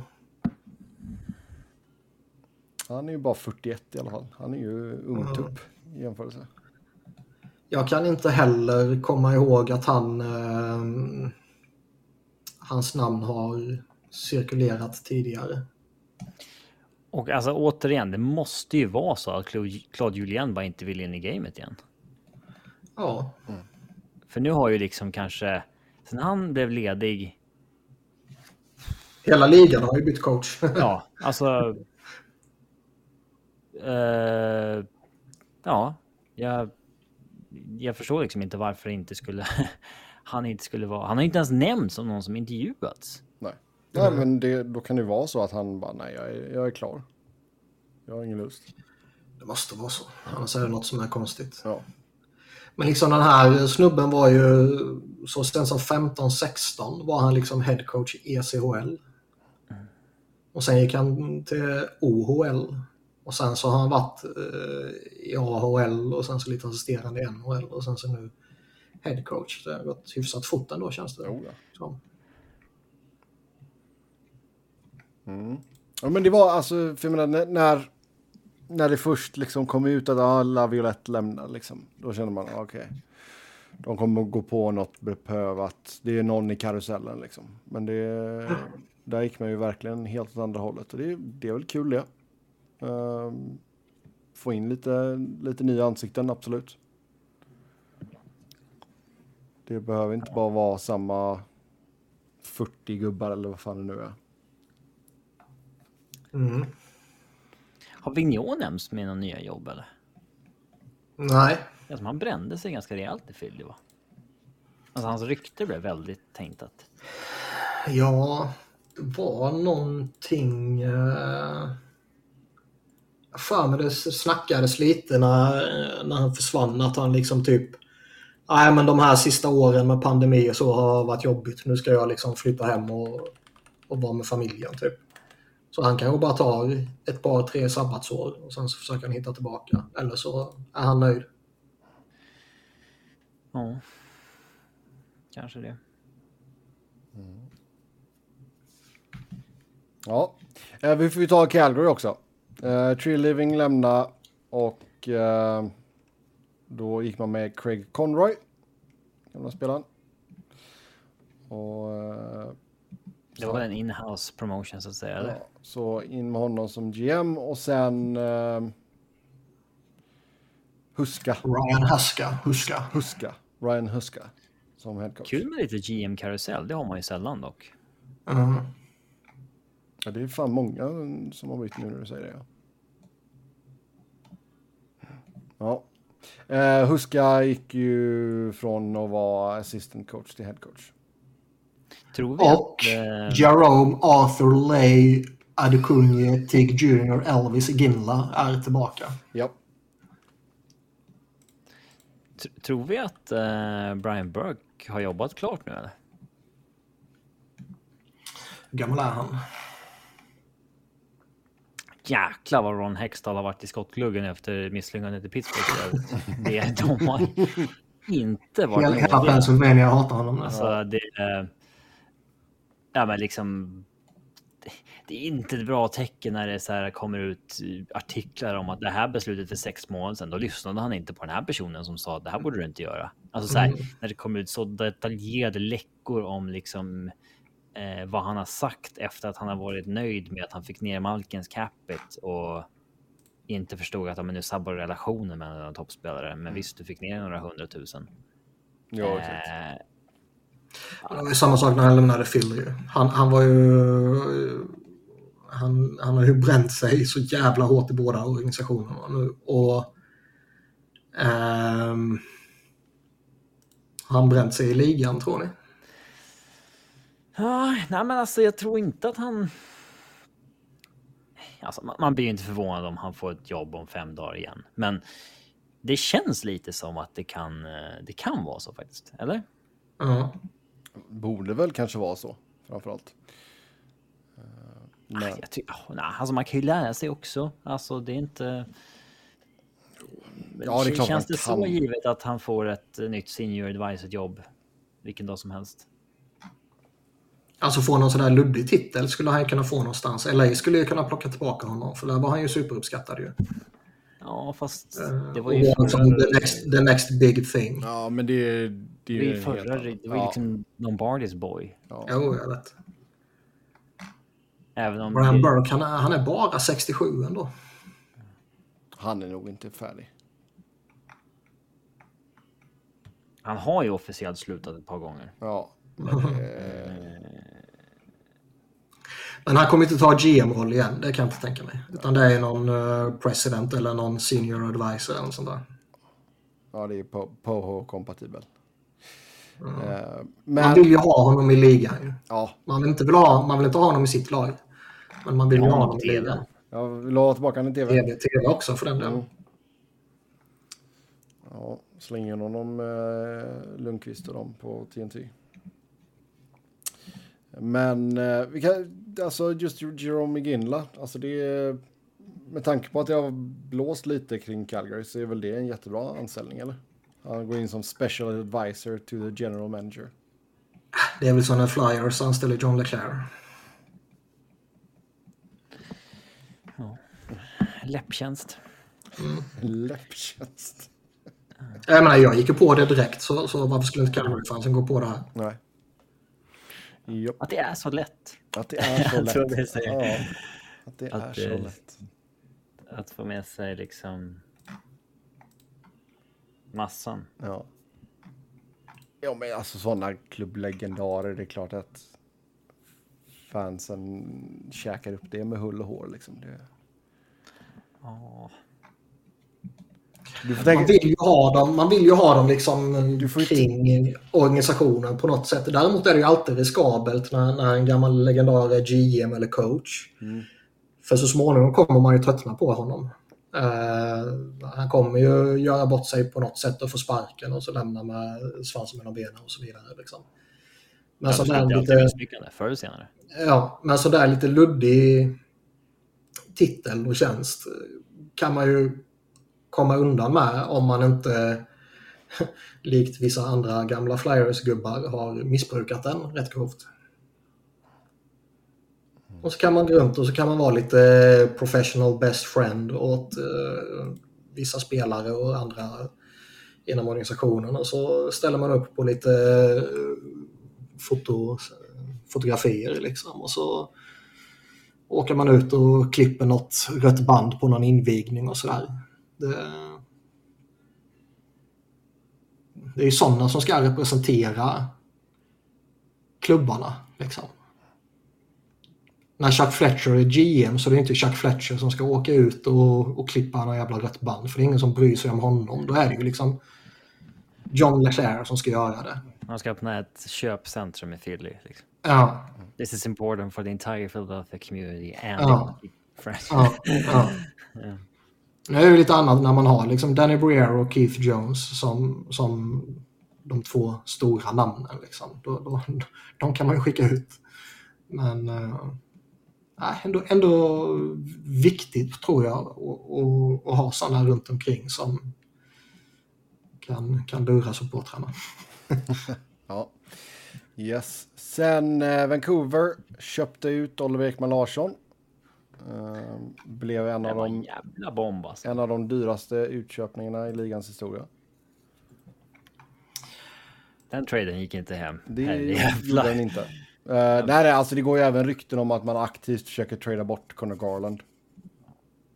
Nej, alltså han kanske man får något bra för och då kanske det är liksom soft and the blow lite grann. Eh, Så att, eh, det är inte så att man tänker ge bort Conor Garland, Eh, men eh, Alltså jag tycker, jag tycker man borde... Jag läste någonting om att typ... Äh, men lagen vill bara få honom gratis typ. Och det är väl för att man försöker blåsa Vancouver, antar jag. Jag tycker fortfarande att han är, är tillräckligt bra på ett tillräckligt OK-kontrakt för att man ska kunna få något, något hyfsat pick eller någonting för honom. Liksom. Jo, men det är väl det att man liksom akt, aktivt shoppar honom. Liksom att då, Ja. då, då går fansen för andra lag igång och säger att man vill flisa dem. Liksom. Det, Men Sen- eh, sen- jag, kom, jag kommer ihåg när de, eh, när de tradade för Ekman Larsson så sa jag ju högt och tydligt att eh, det här har all potential i världen att vara ligans sämsta kontrakt inom några år. Och så idiotförklarade ni mig. Ni. Ah. Ja, det är alltså ligans sämsta. Fyra år kvar på 8,25. Det är alltså. Uh, ja, jag vet inte. Men Uh... Fast det är ju ändå, jag, jag, jag hann lyssna lite på, på dagens eh, 32 Thoughts och Elliot Friedman pratar ju där liksom övertydligt att typ man var tvungna att skiljas åt. Mm. Det, det, liksom, det skulle inte gå att fortsätta med Ekman Larsson och Vancouver eh, i eh, fyra år till. Hade han, fyra, år- fyra år till, ja.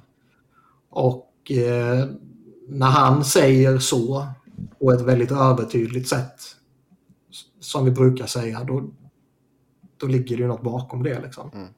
har han gjort sig omöjlig internt Oliver? Ska vi Det- spekulera Det lite? tror jag verkligen inte. Nej, men alltså han det, kan ha gjort.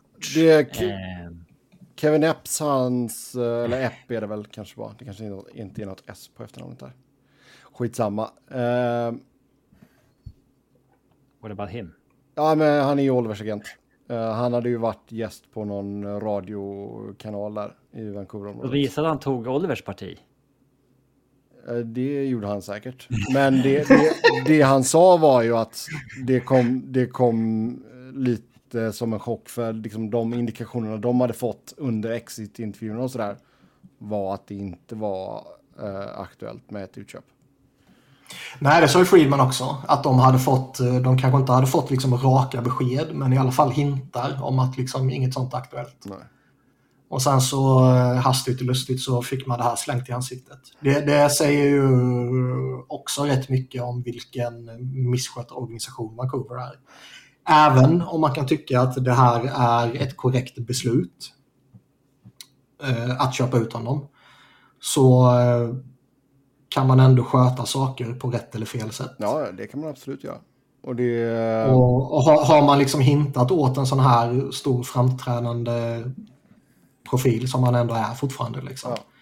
Att något sånt inte är aktuellt och sen så, eh, vad blir det, två månader senare liksom Mm. slänger det i ansiktet på honom. Det, det, Man skulle väl veta vad en sån det är som lite Jim, var en sån som eh, eh, liksom Jim Benning eh, känner när, eller tänker när han får, ser nyheten om det här. Som tog dit Oliver på det här. För hans legacy blir liksom ännu mer nedsvärtad. För jag tror inte att Jim Benning är en person som är, känner sig klar med att jobba med hockeyn. Nej, alltså det, det var ju många... Alltså när man läste reaktionerna på sociala medier så var det ju... Det var ju Benning som fick ta 90% av all skit här liksom. Han sitter väl och tänker att nu har de där dårarna som tar över efter mig liksom eh, kört det här skeppet ännu djupare i sänk. Så... ehm, alltså de, de, de, alltså de har ju inte mycket dödkapp på, på det kontraktet kommande säsong. Det är ju bara 147 000. Sen är det ju 2,4, 24, 25. Sen är det 4,7, 66, 66, 7, 25, 26, 26, 27. Helt Helt meningslöst. Men liksom, visst, de behöver ju cap space. Alltså de är ju i cap-helvete. Det är de ju. Eh, det ska skrivas nytt med Elias Pettersson. Det har de varit tidigare va? De har varit i cap-helvete många gånger om. Många gånger om. Du har fortfarande Tyler Myers ett år kvar på 6 mille.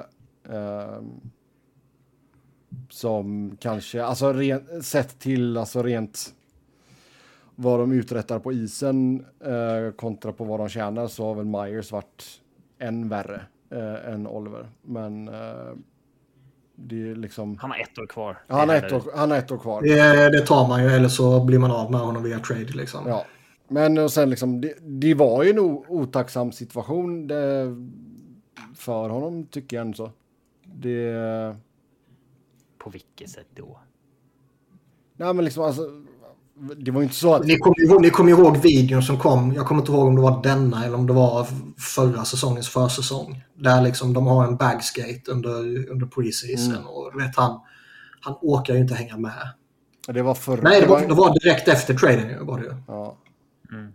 Och jag menar, Det är fascinerande hur mycket han alltså vad han har tappat. Som... han, har ju, han har ju haft sådana skador. Det har inte... ja det kan väl finnas lite förmildrande omständigheter men peka han på en... missat, han har inte missat 31-årig vansinniga matcher. Nej, Nej, peka han har på ju, en han har ju 31-årig spelat back som- skadad. Ja, men pe peka på en 31-årig back som har eh, Inte haft skador. Så. 800-900 000 matcher liksom, som inte har eh, en sargad kropp. Men som ändå klarar av att bibehålla en hög nivå på grund av anledningar. Liksom. Han har ju förfallit något brutalt ju. Sen, visst, det, kan, det finns förklaringar till det. Det finns det väl på, på de allra flesta som förfaller. Liksom. Men det är ett odiskutabelt faktum. Ja, och Frågan sen, är om man kan hitta tillbaka på något sätt om- om han liksom blir... Eh, eh, om han slipper skadeproblem. ja, alltså slipper han, anledning, liksom. slipper han skadeproblem. Alltså förra säsongen var ju också en rejäla bajsmacka. Han bryter foten i VM liksom och sen hamnar bakom. Det har han ju pratat om själv i intervjuer liksom. Att han kände att han var, han var liksom. Det satte tillbaka Ja. honom flera månader liksom. Spe- Spelar man VM, den mest meningslösa skitturneringen som finns, så får man skylla sig själv om man blir skadad. Alltså tittar man på hans underliggande siffror Mm. så är han ju en toppback från 20 års ålder fram till han är 26, Mm. säsongen 17-18. Och då är det säsongen 18-19 som hans underliggande kollapsar fullständigt. Han har alltså fortfarande bra siffror 17-18 när han har plus minus statistik på minus 28 och sådär. Ja. Men sen säsongen 18-19 när han gör ja, lika mycket poäng som säsongen innan, då har hans underliggande siffror börjat kollapsa. Nej, men alltså, jag, jag tror att får han bara vara skadefri och bygga upp kroppen igen till någon form av nivå, få signa ett liksom, kontrakt på ett eller två år eller vad det nu kan vara till en lägre peng och in, det inte kommer med den liksom pressen och förväntningarna som ändå så fanns. Och jag menar liksom, det var inte så att Vancouver, Vancouver-fansen var ju negativt inställda till detta från dag ett. Och visst, det, de kan ha sina anledningar för det. Men jag, jag har ju svårt att se att han inte skulle, skulle han signa ett kortare, billigare kontrakt någon annanstans så är det väldigt svårt att se att han inte skulle överträffa förväntningarna nu istället. Och jag menar liksom, du, du får ändå se Det beror väl på. Ja, ja, det är klart att det beror på. Alltså, det är klart att han... Det beror också på i vilken roll han används också. Liksom, få in honom i ett... Som ja, fyra, femma. I ett, I ett bättre lag liksom. Det är, jag, jag ser inga anledningar jag- jag- vill bara framföra till, till lyssnarna att mig veterligen så jobbar inte Sebbe för Oliver Ekman Larssons agent. Nej, Även om de Det där- har en personlig relation. jag vet, jag vet inte ifall han heter Epp eller Epps. Men alltså det, det, är- det är odiskutabelt så att han är ju, han är ju ingen liksom, toppback längre som han var för x antal år sedan. Eh, det tåget har ju gått ju. Liksom, hit- hittar han tillbaka till liksom, eller vad säger man? Blir han liksom hyfsat frisk igen så kanske han kan hitta tillbaka så att han är liksom en, en klart användbar back liksom, för en billigare peng. Men man kan ju inte signa honom och hoppas liksom att man kommer eh, man kommer göra något fynd här. Liksom.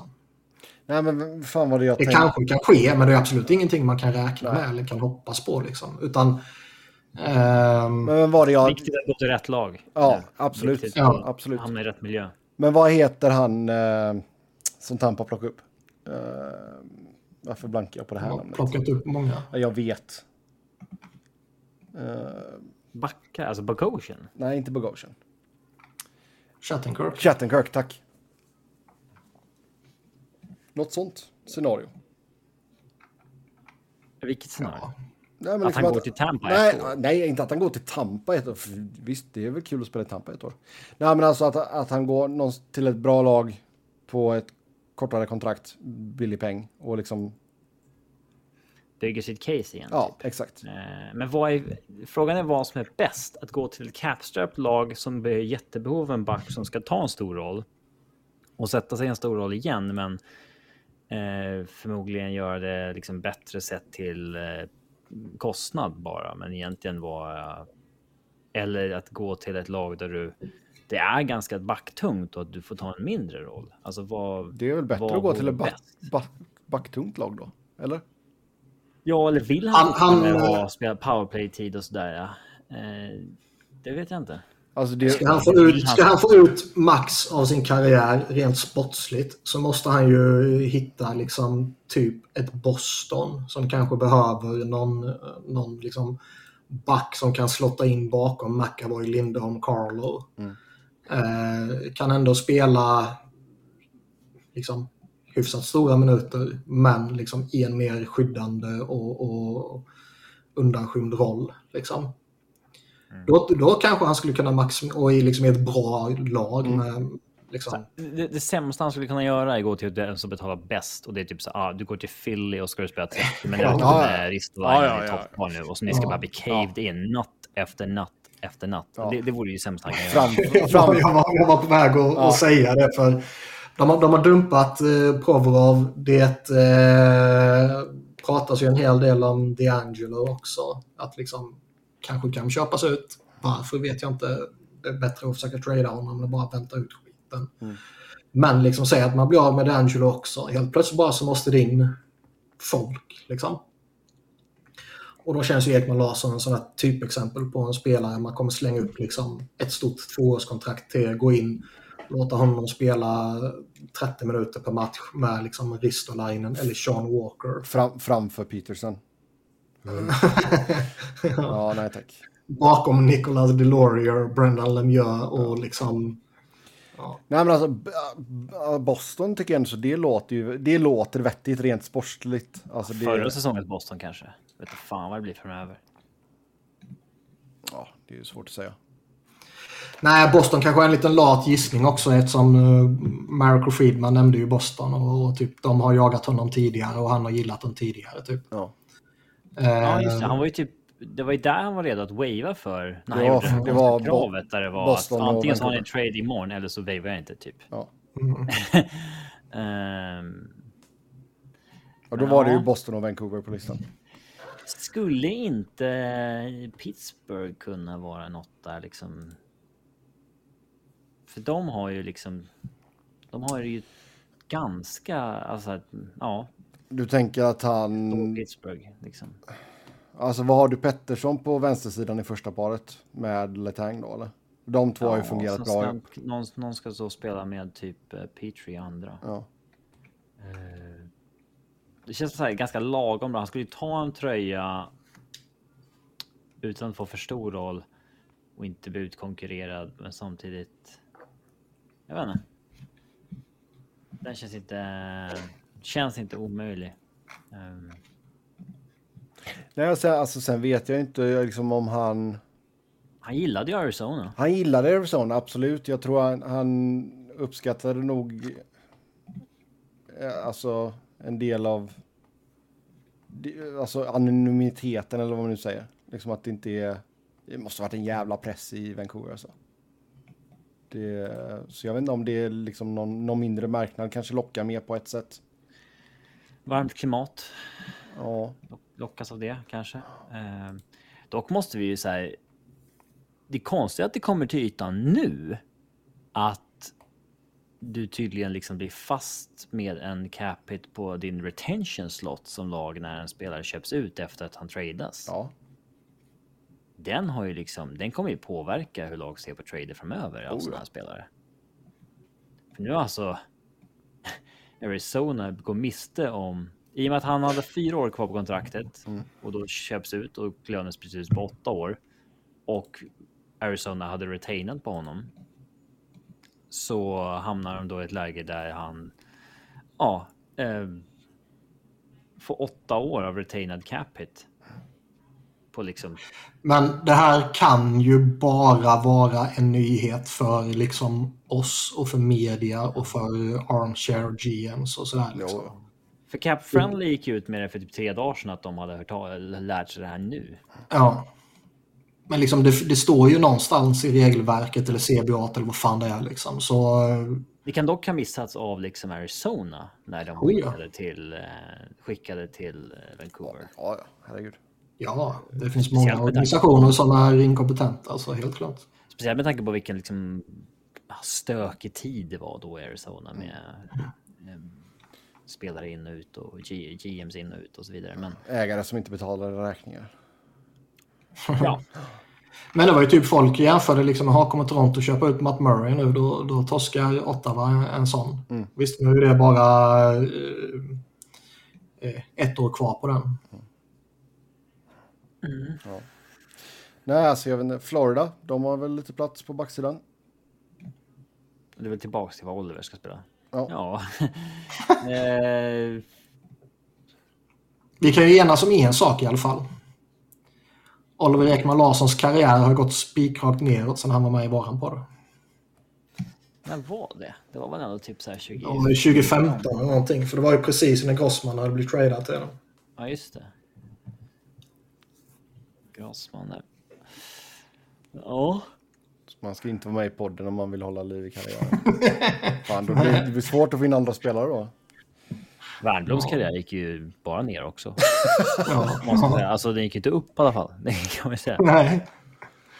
Fina Pontus. Pontus måste man vara med igen snart. Eh, Den är så upptagen. Ja, han är, han är jävligt upptagen. Helvete vad upptagen han är. Vi har inte råd att ha med honom. Nej, alltså, Sant. Ja, han kanske, inte, han kanske inte får med Aftonbladet, säger nej.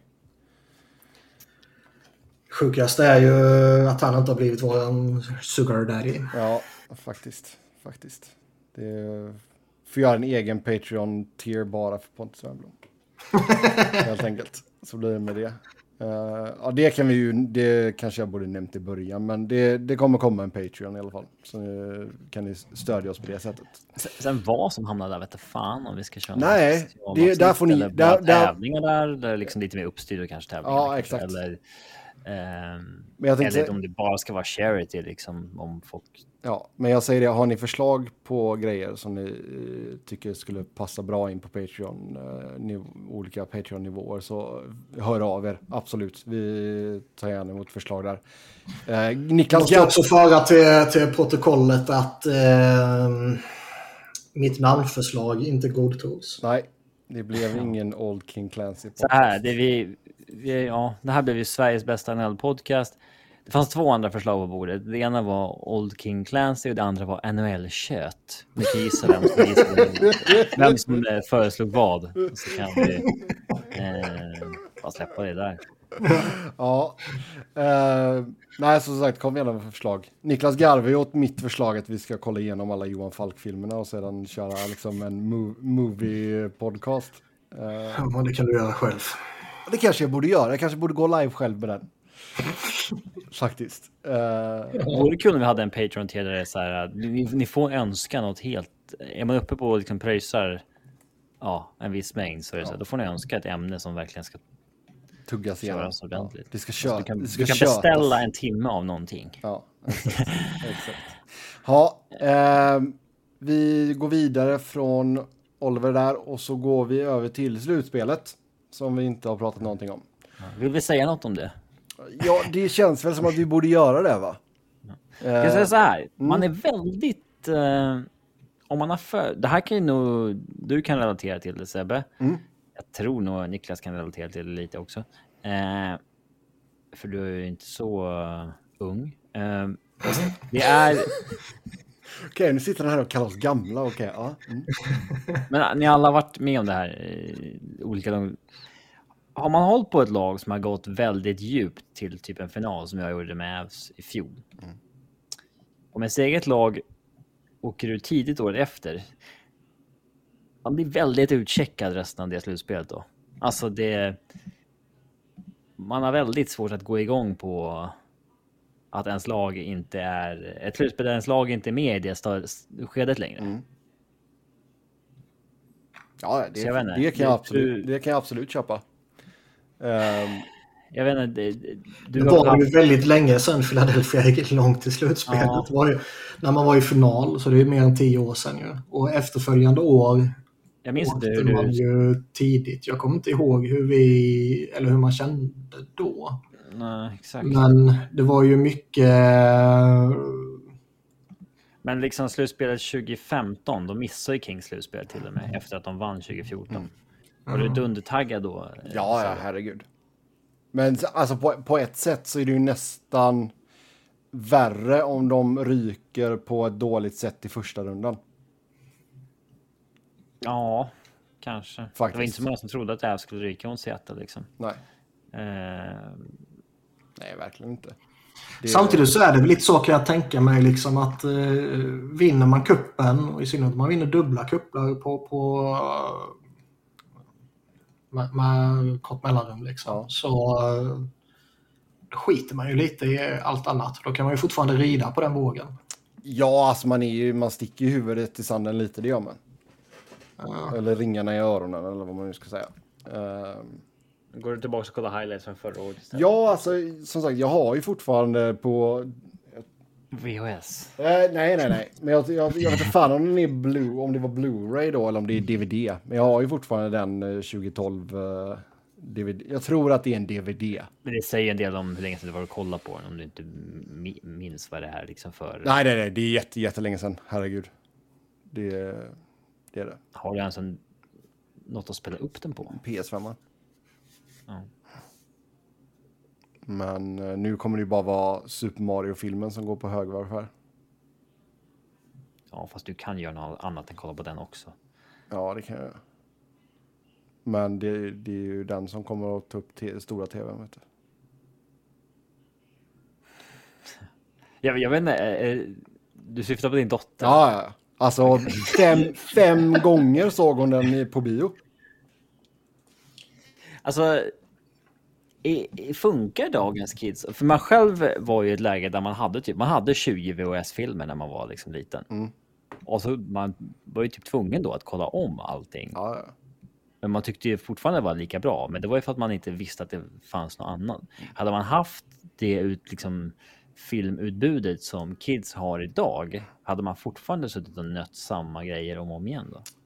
Det, alltså Det visst. gör ju dagens barn också. Ja, alltså det är ju väldigt, alltså hon har ju perioder där det är vissa grejer som gäller liksom. Nu så, Super Mario-filmen då som sagt, vi såg den fem gånger på bio.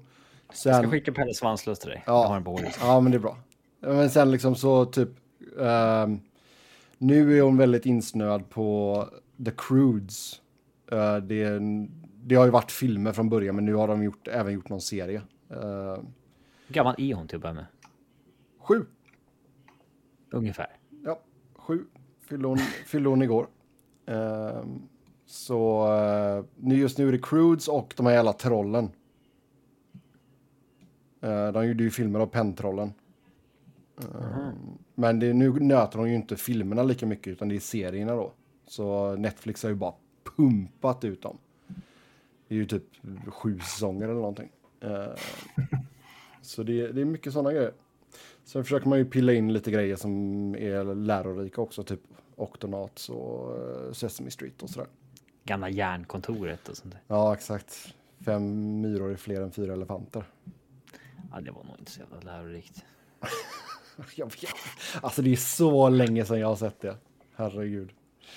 Men ja, men slutspelet ska vi gå tillbaka till här nu. Nu ska vi inte snacka om vad min unge gillar att kolla på. Alltså, det var väl ett objektivt jävligt tråkigt slutspel, eller? Ja. Det, det Det var... är, det är ju häftigt när det blir några upsets, men då är det ju häftigt in the moment. Sen när man står där med tråkiga, sämre lag som har gått vidare så... Och sen så här... Bobrovski förstör hela slutspelet. Han står liksom på huvudet i tre ronder och vinner åt Florida på egen hand. Ja. Och sen så ge, sabbar han liksom Floridas alla möjligheter genom att vara pissusel när det är final. Ja. Vad är det för slutspel? Det borde man ju förstått när det kommer en målvakt som... Eh, han inledde väl inte ens slutspelet? Nej. Det var väl Alex Lyon som stod va? Ja. Exakt. Jag menar, de ska ju torska de första tre rundorna om det inte är för Bob- Bob- Bobban liksom. Ja, Och sen, ja. Eh, sen är det liksom, ja, möter de väl upp liksom hyggligt mot Vegas. Men så, då eh, ger han dem inte en suck att vinna. Nej, man borde ju förstått det när det är en målvakt som har den formtoppen som han har och sen så får, eh, får sitta i, i en vecka eller tio dagar eller vad det var. Innan, innan finalserien drar igång. Det är klart han kommer tappa formen. Eh, Så funkar ju de här jävla dårarna till målvakter. Ja, och, sen, men, och då har han ju ändå så, jag tycker ändå så att han har satt laget i en sits där de inte kan gå tillbaka till Lion heller. Är, Ja, alltså, ja. Nej, det gör man inte inte. från start, kanske pulla under match, Ja. men inte... Ja, så är det väl. Ja, ja. Nej, alltså det är ju, det är ju liksom... Det är trist på ett sätt. Alltså jag förstår att Vegas-fansen tycker det är skitball att de, Det finns inga att de eh, vinner med liksom 9-3 I Sverige i alla fall. Jag vet inte hur, alltså det, det får ju du säga till mig. Vad ser, ser du några Vegas, eh, någon Vegas Japp, merch? ja. Men har de köpt dem för att de gillar laget eller för att de gillar loggan liksom? Det är det som New York Yankees. Jag, ja. Du får börja ta Jag pulsen på... konfronterar inte. Du måste börja göra det. Du går fram till dem och säger nu, Det- säger, det- nu räknar du upp tio spelare för mig i laget. Vem vann Conn Smythe Trophy? Ja, exakt. Hur många mål gjorde han? Vart är han född? Hur många barn har han? Det är väl inte relevant. Nej. Nej. Men eh, ja, nej, alltså. Nej, men jag tycker, Det är klart att vi, alltså Vegas har ju haft ett imponerande. De har gjort otroligt många fynd. Ja. Alltså på spelarmarknaden. Otroligt många. Nu fyndade de ut av helvete med Barbachev också. Ja, oh ja. Eh, och, kronan på verket är ju liksom Chandler Stevenson som de liksom typ gjorde till den första center i princip. Alltså det är eh, extrem, extremt duktiga i sin scouting har de ju varit. Eh, Det är ju också skoj att se att de liksom eh, de går ut och de gör de stora grejerna och de lyckas med det. Liksom. De inte skrajar för att gå efter en Peter Angelo eller Mark Stone eller Jack Eichel. Liksom. och de är the villain av ligan. Nu säger Mark Stone att han kommer nog inte kunna spela under grundserien här igen. Liksom. Utan det, det, det, det, han verkar vara så sargad, men han verkar ju sargad på riktigt. Ja, ja. eh, men intressant liksom. Intressant upplägg de gjorde med målvakterna också. Att bara liksom ta in fyra, fem stycken okej Ja, ja. målvakter och sen hoppas att någon växer i slutspelet. Ja. Slänger alla på väggen och ser vem som fastnar. Typ. Jo, alltså Ja, det, det- det får man ändå så ge. Alltså, och jag menar, liksom, där så började man med Brossois, han gick sönder. Det var ännu en målvaktsskada. Liksom. Ja, okej. Aiden Hill kommer in och är... Alltså han var ju bra på riktigt. Det, Ja, du kan ju ha en okej mål. Alltså, det, ja, alltså i grunden... Det, det var det jag var inne på tidigare. Liksom. Man behöver inte ha den bästa målvakten. Du behöver inte ha Henke Lundqvist eller Carey Price för att vinna kuppen. Liksom. Du måste måste ha en okej med målvakt. Du måste en- kompensera på andra sätt givetvis. Liksom. Men du kan ha en okej målvakt. Och sen så typ be till gudarna att den målvakten eller den av de två, tre du har kommer liksom pricka formen rätt tid. Ja. Jo, men det, alltså, det, det är ju absolut. Jag tycker i grunden Aiden Hill så mm, okej målvakt liksom, men hittade en jävla formtopp. Ja, sen är han ju liksom, han har Pietrangelo och Shea Theodore framför sig. Då underlättas jobbet Oh ja. en aning. Absolut. Men han gör ju ett par riktiga idioträddningar där också. Jo, jo. Det... Nej, det ska... Sen så är man ju, fan det var som Eric Friedman sa idag också om vi går vidare över till Florida liksom att eh, vi vet att den här jävla ligan är en jävla copycat League. Och nu är det liksom flera lag som har blivit inspirerade av att Florida gick till final trots att de kom in som sista laget. Ja. Liksom, nu, nu, nu har andra lag fått inspiration av att bara man tar sig till slutspel så kan precis vad som helst hända. Det hjälper ju Men det är har liksom, en, eh. Det finns väl en viss sanning i det, men... Eh, Det finns en sanning i det, det kan ske givetvis. Liksom. Och Flyers när de var i final, de kom in som sista laget på sista dagen. Liksom. Men Florida är ju ändå liksom, de, de fick in, in en Matthew Tkachuk som liksom, hastigt och lustigt gick och blev liksom den bästa spelaren förutom Conor McDavid. Typ. Och så hade de en tidigare supermålvakt som hittade någon helt orimlig formtopp i några veckor. ja, exakt. Nej, jag menar liksom, och det, det, vi snackar alltså om ett lag som säsongen innan vann President's Trophy. Det är liksom, det är inte så att Florida var ett dåligt lag. Sen sa vi ju alla att visst, de kommer droppa av, de kommer inte vinna ett President's Trophy igen, men det är fortfarande ett solidt lag i grunden liksom. Det, och Ketchuk var en homerun för dem. Det, sen tror jag, alltså, som alltid när allting är över så får vi ju rapporterna om vilka som har spelat skadade och hur skadade de har varit och allt sånt där. Och Florida hade ju oflyt med att flera nyckelspelare blev sönderkörda i helt fel läge liksom. Det, Aaron Eckblad spelade med bruten fot och ingen höft mer eller mindre. Kachak bröt bröstbenet, vilket låter otroligt smärtsamt. Ja, alltså det är ju potentiellt livsfarligt. Mm. Uh, så där ska det väl... Uh... När han inte spelar den sista matchen, då mm. vet man att okej, okay, nu är det något riktigt. Ja. ja. Han kunde ju inte snöra på sig skridskorna, han kunde inte ta på sig tröjan. Det är liksom... Då tror fan att han inte ska spela liksom. Det... Men att han ändå så liksom kommer tillbaka i, och, och spelar efter den liksom monstertacklingen han åker på liksom. Sen är det fortfarande så jävla absurt hur ett lag med Eric och Mark Stahl kan gå till final 2023. Det var inte så att de... Jävlar vad dåliga de är. Det var inte så att. Ah? Vad dåliga de är. Alltså liksom... Um... Som människor eller som... ja, både och. Ja, typ. Men alltså... Ja, alltså... Eh, det är ju inte bara... Alltså att hockeyspelare faller av så mycket från liksom 33 till 37. Det är, det är anmärkningsvärt. Mm. Det är inte alla som är Chris Chelios, vet du. Han föll av ordentligt också. Ja, det. Men han cyklade i bastun. Ja, det är. Ja, det är fan inte friskt det heller. Nej. Träning, Nej, det är bra, trän, alltså. träningsnarkoman. Jag, jag, jag, har ingen aning. Det kanske är jättefarligt. Nej, men alltså, jag, jag, det är klart att med tanke på den grundserien, om vi backar bandet lite här nu. Med tanke på den grundserien som Boston hade. Så... Visst, men skulle gå åt helvete. Man kliver in som sån mega, mega favorit. Alltså, det, de skulle bara köra över Florida liksom. Och alla bara, det här är, det är Bostons cup att förlora. Och så blir det magplask. Uh, visst, det är sju matcher, men det är klart att det tar bort lite av det, för det... Du ville ha att Boston går långt och liksom visade att de kunde liksom bibehålla detta från grundserien. Toronto bröt sin jäkla förbannelse och vann en, en runda, så det, jag vet inte, blev det parad efter det? Um, I princip. Ja. Och We Want Florida alltså, och allt det där.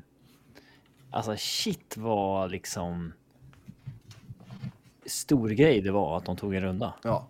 Oh ja. ja alltså jag förstår att det var liksom. Men jävla vad det kommer vara jobbigt när de faktiskt blir bra på riktigt. Alltså går långt. Mm. Alltså Toronto media är ju något brutalt alltså.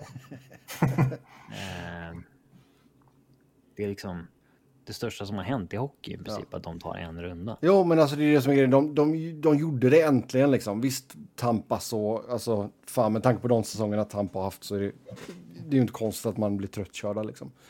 Men sen, du går vidare då, du tar äntligen förbi första rundan. Och sen tycker jag ändå att man gör en ganska platt insats mot Florida. Visst, Bobrovski står på huvudet, men det är ganska platt insats ändå liksom. Carolina tycker jag ändå så, så, de såg ju bra ut på riktigt, men sen så tappar man ju fan allt i anfallsspel i, i eh, konferensfinalen. Bobrovski fortsätter stå på huvudet visst, men liksom. Det. På ett sätt var det tråkigt att Florida vann den serien med 4-0 i matcher och att man sen får sitta och vänta som man fick göra mot Vegas. Jag tror vi hade fått en bättre final ifall, ifall inte de hade haft den långa perioden. Ja, fast jag tycker också att det... Allt skylls på det. Lite väl mycket. Det är så sjukt hur det kan vara en grej att det, det är dåligt liksom för totalt söndersargade kroppar att få vila en vecka. Ja, men det, det där vräns ju och vrids tills det blir liksom det passar argumentet. Mm. Det är bra dåligt. Det är mycket möjligt. Men, alltså, men även där, alltså, det var ju, vem fan var det som sa det? Om det, var, det var nog Paul Maurice som sa det. Att liksom det, det är nästan viktigare för de, de friska spelarna att få, få vila än för de som är lite blåslagna. För det är ju så de, de som är friska som behöver liksom ratta bussen så att säga. Sen, alltså det. Det är coolt det som Vegas har gjort på ett sätt. Det är liksom ett lag som... Deras historia är sex år gammal liksom. Det, de har varit i final. De har vunnit nu liksom. Det, det är visst, det är coolt på ett sätt. Men... Uh, vad tror ni att Eh, hur ser ni på Vegas chanser att utmana även kommande säsong? Det känns inte som ett tillräckligt kul samtalsämne för att vi ska slösa sista timmen på. Nej. Kul. Fine, då tar jag tar den till mig och så kör vi. Hur långt har vi kvar? Vi har ungefär 45 minuter. Ja, nej, då kan vi inte lägga på Vegas. Nej. Lite lyssnarfrågor när vi är så efterlängtat. Ja, det kan vi, kan vi absolut göra. Vad, eller ja, skitsamma. Jag tänkte fråga lite om Edmonton, men vi skippar det. Edmonton? Ja. Vad vet du om Edmonton? Nej, det, det, får vi aldrig veta helt enkelt. Det får vi aldrig veta. Nej, vi, nej, vi får aldrig veta det helt enkelt. Det är så, så enkelt är med det. Vi går till nästa programpunkt och det är draften. Uh, går av stapeln 28 till 29 juni i Nashville. Och eh, som vi har sagt många gånger förut, vi, vi är inga prospect-experter. Eh, men eh, vi kan alla i alla fall slå fast att Conor Bedard kommer gå som etta till Chicago. Ja, fy fan vad tråkigt det var att Chicago vann lotteriet. Det var liksom det värsta som kunde hända i hela hockeyvärlden. Alltså där och då. Det, ja. det var så... Det, vi har sagt det tidigare. Det är så jävla patetiskt den här skitligan där liksom man bestraffar Arizona för att liksom har gjort sina egna fysiska tester genom att bli av med en first rounder. Liksom. Man straffar New Jersey för att de skrev ett tillåtet kontrakt med Ilja Kovalchuk men att bli av med en first rounder. Och sen så liksom, äh, men uh, mörka liksom sexuella övergrepp på din spelare och sen eh, ge coachen som gjorde det liksom vitsord för att åka och jobba med ungdomar. Äh, men det är fine. Och sen så belönas de med Conor Bradard i förlängningen. Nej, det... Det var så jävla eh, oförtjänt på alla sätt och vis. Det fanns liksom... Jag tror jag skrev på Twitter då att det finns liksom... Jag kan lista tio anledningar till varför Chicago inte förtjänar det här. Mm. Och det... Eh, ja, fy fan alltså. Den... Eh, det var verkligen det var verkligen skittråkigt på alla sätt och vis att Chicago vann. Det fanns så många andra lag som... Alltså, det hade varit så kul om han... Om, om Columbus vann. Här får ni en superstar att bygga kring. Eh, Centern ni har fått peta in mellan Gaudreau och... Eh, eh, ja. Eh, det... Ja, hemskt. Eh, mm. Så mörkt. Ja, så det är Chicago som var första valet. Jag kommer inte räkna upp allihopa, men Chicago första, Anaheim andra, Columbus tredje, San Jose fyra, Montreal femma. Kan nöja oss där. Ehm, men eh, ja, Bedard då känns ju som sagt, det är ohotad etta där. Bakom där så är det väl en handfull spelare, eller två, tre stycken i alla fall, som eh, det, det enda intressanta, eh, eller det enda, men det stora intressanta är ju Mitchkov. Vad som händer med honom. Jag har... Eh, jag är otroligt dåligt påläst inför draften eftersom man inte har eh, något behov av att liksom skriva om den. Mm. Eh, jag har börjat kolla lite vad som är aktuellt för Flyers, absolut inget mer utöver det.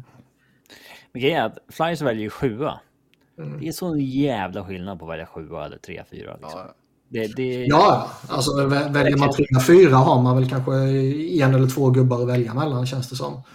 Väljer man sjua kan det vara tio gubbar. Mm. Men liksom... Men de, de flesta som är... Droppen ja. efter liksom val 3, 4 ner till 6, 7. Alltså det, det är sånt jävla dropp. Oh, ja. Eh, det... Ja. Sen är det intressanta är som jag sa, det är ju Mitchkov. Det känns som att han kan gå uh, allt ifrån liksom 3-4 till uh, liksom trilla ner i slutet på topp 10 liksom. Ja, han är den klassiska, ja vad ska man säga? Eh, vi har ju draften, den här mest talang av alla, men rödflaggor överallt. Mm. och varför är det det, Niklas? Eh, ja, han är ryss till att börja med. Det är väl den stora röda flaggan i dubbel bemärkelse. Ja. eh, sen har han ju också, det, det är lite som Kaprizov, att han har ju ett, eh, ett långt kontrakt signat i KHL så det kan ju dröja innan han kommer över. Även om man vet att han kommer komma över så skulle det kunna dröja. Mm. Men allting med, med Ryssland i dagsläget är ju jävligt oklart. Nej, men alltså många, många, alla listor har ju Bedard som etta. Däremot, däremot så verkar det ju som att han faktiskt kommer vara på plats under draften. Vilket känns som att... Eh, Ta sig från Ryssland dit. Ja, det känns inte heller som, i alla fall på förhand, kändes inte det som en självklarhet. Nej. Uh, han åker inte tillbaka sen. Man, nej, men alltså man seriöst undrar man ju liksom vad, vad hans... Det kan ju bara bli som det var förr. Att liksom spelare de facts liksom. Ja. För hans, eh, hans fassa hittades ju död också. Och Fass. det har ju... Vad sa du? Fassan alltså? Uh -huh.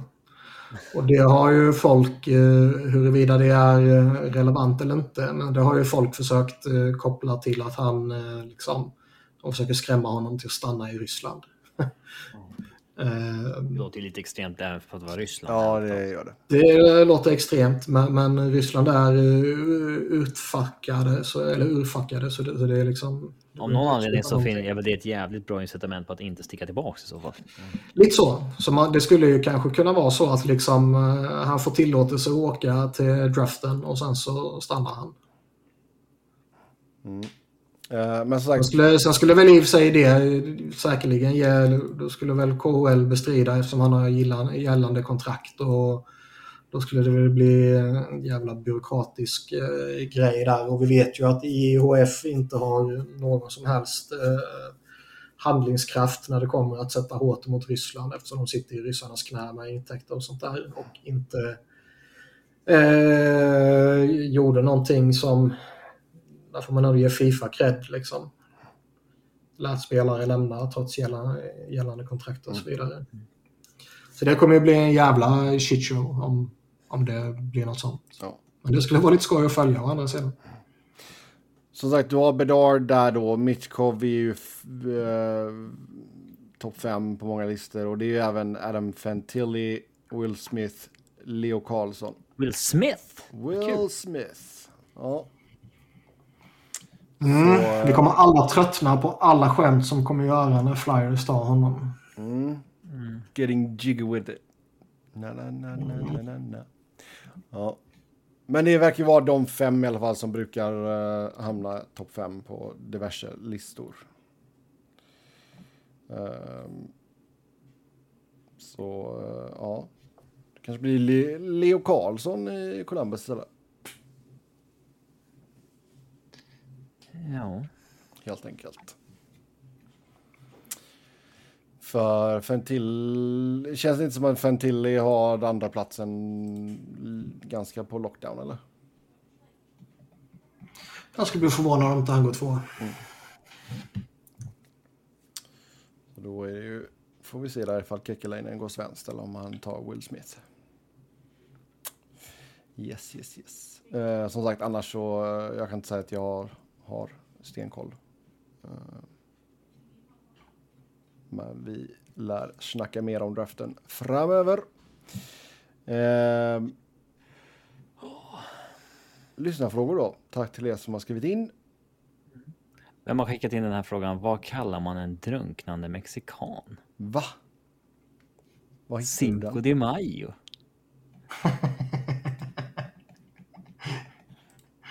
Nej, jag hittar på den själv. Det var inte någon som har skickat in den. Okej. Ja. Jag bara kollar körskärmen bara va? Ja. Eh, ja, herregud. Eh, Ja, det är någon som har frågat var eh, Oliver hamnar. Vi har, jag tycker vi har bett av den. Eh, Det är ju en del som ändå tänker Sverige. Det, det, det, känns ju inte Nej, aktuellt. herregud. Det... Dock, alltså, det är kanske mer troligt än, eh, men om det skulle ske någon annan spelare. Oliver är ju lite hemmakär sådär kanske. Eh, Alltså, men det var väl Jag lite- tror inte att det är aktuellt. Liksom. Nej, hans bror Kevin eh, skrev på för Tingsryd nu. Ehm, så det var någon som skrev in här OEL tillsammans med brorsan i uh, TIFE. Ja, Alltså i så fall är det väl mer rimligt att han går tillbaka till Leksand. Och spelar i SHL. Jag kan inte tänka mig att han går till Tingsryd i Hockeyallsvenskan. Frölunda? Han har aldrig spelat i SHL, Oliver. Nej, han skulle ju spela för Frölunda. Han skulle ju spela med Frölunda. Just det, när var det? Ja, det var ju då när han gick över. Ja, just det. Så hade han inte... kvar. Ja, exakt. Så ska han flytta till Sverige så får han bli Frölunda-spelare helt enkelt. Ehm, vill höra Niklas förklara... vill höra Niklas förklara hur Flyers kommer lyfta bucklan inom tre år. Konstig bild vissa av Niklas där som någon form av evig optimism men ändå evig kritiker. Ja. Det, jag får inte riktigt... Jäklar vad han ska vara optimistisk nu alltså. Tre år har du på dig att Ja, det fixa går detta. inte. Det, det vill bara säga som det är. Det går inte. Nej, alltså jag förväntar mig en ökenvandring nu på, på några säsonger. Sju, Eh, snackar vi nästan, eller? Om du ska drafta. Alltså du ska, du ska drafta högt. Det, det, det beror på lite liksom. Okej, sex Man- då. Är väl ändå en rimlig förhoppning. Jag tror alltså får, får man maximal flyt så kan man ju göra en rebuild på liksom två, två, tre år. Liksom. Eh, men då ska det verkligen vara maxflyt. Och då ska det vara lite, lite som det var för Rangers också. Att det är någon, någon spelare som liksom trillar i knät på dem i princip. Typ om en sån som Gaudreau blev tillgänglig. Eller. Typ. Men, men liksom... Det händer ju aldrig. eh, ja, nej, det, jag är fortfarande så jävla arg över det. Det är så sjukt. Eh, men det, det, det som man kan hoppas på om det ska bli någon liksom jättesnabb effekt, det är ju att man får den ena lyckoträffen efter den andra i, i, i draft. Ju. Ja. Och, och liksom säga att det är en sån som uh, Mishkov faller och man plockar honom och han blir en sån jävla superhit. Eller liksom man till och med byter upp sig så att man får någon annan. Eller det blir liksom... Du måste ju dessutom göra typ två så här Devon Taves eh, trade på backsidan där du liksom prickar rätt på en dundesigning liksom och det. Det är så jävla mycket som måste falla på plats. Sen är det ju... Nästa år är det ju någon jävel som är hypad också, som jag inte kommer ihåg vad fan han heter nu. Ja, någonting. Ja, någonting heter han. men, men eh, så jag menar, det kommer ju finnas bra spelare framöver om man liksom bottom out. Problemet är att man gör det ett år för sent. Mm. Är det Men det finns är ju- det Macklin du snackar om? Calabrini? Jag kommer fan inte ihåg. Eh, men skitsamma. Ja. Det, det är liksom... Uh, jag liksom... Som jag sa tidigare, liksom, vad händer med Carter Hart? Kommer man trada honom så är det liksom... Då försvinner ju en av de största anledningarna till att man skulle kunna studsa tillbaka snabbt. Liksom. Eh, skickar man dessutom Travis Connectney, vilket jag tycker vore lite tråkigt eftersom jag gillar honom jävligt mycket. Men som jag tycker rent eh, liksom... Det finns ju ingenting att bygga kring i Philly just nu. Nej, nej. Och det är därför man behöver de få pusselbitarna som finns att bygga om nu är ju Heart och Connectney typ liksom. Och... eh, Connect, Connect kan ju inte bygga en forwardsuppsättning kring. Nej, nej, nej, men det är ju de som finns nu som man skulle kunna göra dem. Liksom. Och eh, det är ju de är, det är alldeles för tidigt att börja bygga någonting nu. Och dessutom har ju de kontraktssituationer som gör att de ska ha nya kontrakt snart. Och eh, liksom sätta en Connectny på marknaden efter den säsongen han hade på 5,5 miljoner gånger två år tror jag man kommer få riktigt bra utbyte för. Sen är, han, är man ju i ett läge där man behöver inte trada honom nu. Utan han har ju som sagt två år kvar. Så eh, får man inte något bra nu kan man ju faktiskt vänta. Eh, Carter Hart ska, som vi var inne på tidigare, det ska bli väldigt intressant att se vad som händer med honom. Det känns som det kan gå precis hur fan som helst här. Cred också till eh, min namn här Sebastian som har skickat in den här frågan. Till eh, hans GIF-val med sin fråga. Från Always Sunny in Philly.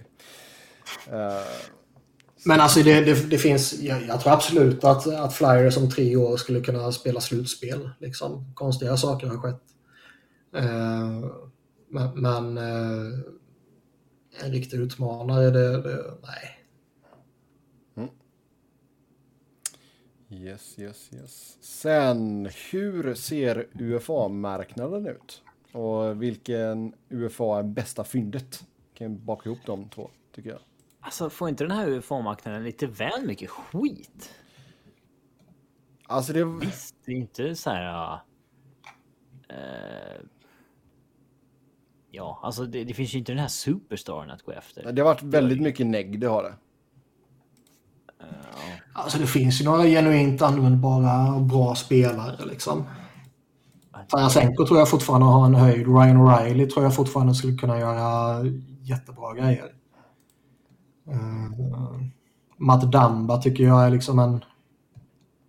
Nu kommer han förmodligen bli överbetald, men jag tycker ändå han är en bra användbar back. Mm. Jason Sucker finns det någonting i liksom. Dadonov borde kunna vara användbar tycker man. Ghost är en bra PP-back. Det finns ju liksom bra spelare. Sen vet man inte vad, eh, hur är statusen på Patrick Kane. Han kommer väl eh, rimligtvis inte signa någonting nu eftersom han skulle väl vara borta rätt länge väl? Ja, kanske. Uh... Ja. Jag menar, det finns ju ändå det finns ju bra användbara spelare. Liksom. Fyra till sex månader. Ja. Mm. Alltså det du vill åt är ju inte liksom superstars. Att, det ska du ju ha redan. Alltså du ska ju... På marknaden här ska du ju bara hitta liksom komplementbitar. Det finns det ju gott om. Liksom. Jo men det är väl kanske därför det har blivit lite mycket negg. För att inte ge några... Ja, det finns ingen... Hade det funnits två stora namn så ja. hade det ju varit. Men jag, jag alltså bäst, alltså Ryan O'Reilly, jag, är det det bästa namnet kanske? Ja, det är ju fortfarande, du kan ju fortfarande se det som att han är en första center. Mm. Alltså nu gjorde han inte till. Där får man en bra spelare. Mm. Ja, alltså. Orlov får man inte glömma. Nej. Han kommer få betalt utav helvete känns det som. Oh, ja folk kommer gå efter så här, Tyler Bertuzzi hårt. Mm. Tror jag. Det... Den bästa UFAn skulle jag väl nog, alltså helhetspaketet är väl en så Riley skulle jag säga. Mm. Det ska bli intressant att se vad han gör verkligen. Mm. Om det blir pengarna som gäller eller en uh, competitive situation. Han visade ju tidigt i sin karriär att pengarna var jävligt viktigt. Men och sen fick han ju pengarna och så ja, fick han kuppen. Alltså, han testade ju på hur det var att vara i Buffalo där mm. liksom. Jag tror att han, det är viktigt för honom att vara en marknad där man är competitive. Mm. Mm. Barbachev lär ju få pröjs också. Avs JT Confer som hade career year. Mm. Den är svår att behålla. Alltså det mm. finns ju så här Kerfoot och... Aidin Hill. ja, alltså sån... Ja, den är alltså... Aiden Hill, det, där ska man ju vara och akta sig alltså. ja, jag tror inte att någon kommer ge honom det där stora. Den målspelaren tror inte jag någon Men alltså, det är också om vi går tillbaka till Vegas lite där. som sagt, en jävla målvaktskarusell med tanke på alla skador och sånt man hade. Vi vet ju fortfarande inte vad som pågår med Robin Lehner. Inte ens Vegas vet ju för fan vad som händer. Nej, men ingen kan ju räkna med honom på något sätt. Eller? Nej, nej, nej. Nej. Men alltså kan, kan Vegas rent... Lever han ens? Kan de rent kallt bara räkna med att han inte kommer komma tillbaka liksom? Det kan de ju inte. Nej, man kan inte förvänta sig någonting på, på något sätt. Det är liksom just nu, Och jag menar, det, det, det, det sa vi ju när de, när de liksom gick efter honom, att det, han kommer med ett bagage. Det är liksom ett risktagande. Oavsett om det är eh, på eller utanför isen så är det ett risktagande. Liksom. Och nu får man ju stå sitt kast. Ju. Nu kommer det vara jävligt oklart eh, de kvarvarande åren. Ja. Du har två år kvar med honom på fem miljoner. Liksom. Det, det är ingen spot... Alltså, för Vegas är ju det viktiga pengar liksom. Alltså framförallt när osäkerheten är som den är. Alltså vet man att han kommer vara borta, och det kanske de vet, bara det att saker inte har läckt ut liksom. Då är det ju fem miljoner de kan använda på, på eh, long term injury reserve liksom, tillsammans med eh, andra spelare de kommer sätta där garanterat. För att maximera liksom. Eh, Ja, är det? Mark Stone 9,5 där. Eh, Men, men eh, Nej, för jag menar, nu har du, du har Logan Thompson under kontrakt fortfarande och han tjänar ju jättelite. Han är ju under 770. Jättebra att ha som en av två. Ja. Eh, så det är ju, där har de ju det bra ställt med honom i alla fall, att han är svinbillig och de har honom på två år till. Eh, sen är ju då frågan, liksom, ska man ta, eh, jag känner ju inte att, det är ju ingen idé att förlänga med Jonathan Quick. Alltså kul att han fick avsluta. Det är liksom, tacka för dig, häng upp benskydden nu. Det, du fick avsluta med en till kupp liksom. Eh, så det är väl om man... man, man undrar ju vad, vad Vegas, som ändå liksom under de här åren har varit jävligt känslokalla mot spelare och, och liksom eh, skickat vem fan som helst bara för att kunna få in någon annan. Liksom. Man undrar om de kommer vara känslokalla mot en sån som Aiden Hill. Eller kommer de liksom med tanke på osäkerheten kring Robin Lehner behöva sätta två billiga målvakter? Ja. Så det blir typ Logan Thompson och sen så får Aiden Hill något, något uh, halvdant kontrakt. Liksom. Ja, men det... Tre mil eller någonting. Ja. Ja, alltså går han med på att ta ett, ett eller två års kontrakt så visst. Men det är klart att alltså, i det läget som han är nu så ska han ju... Han borde väl kolla av marknaden ändå, eller?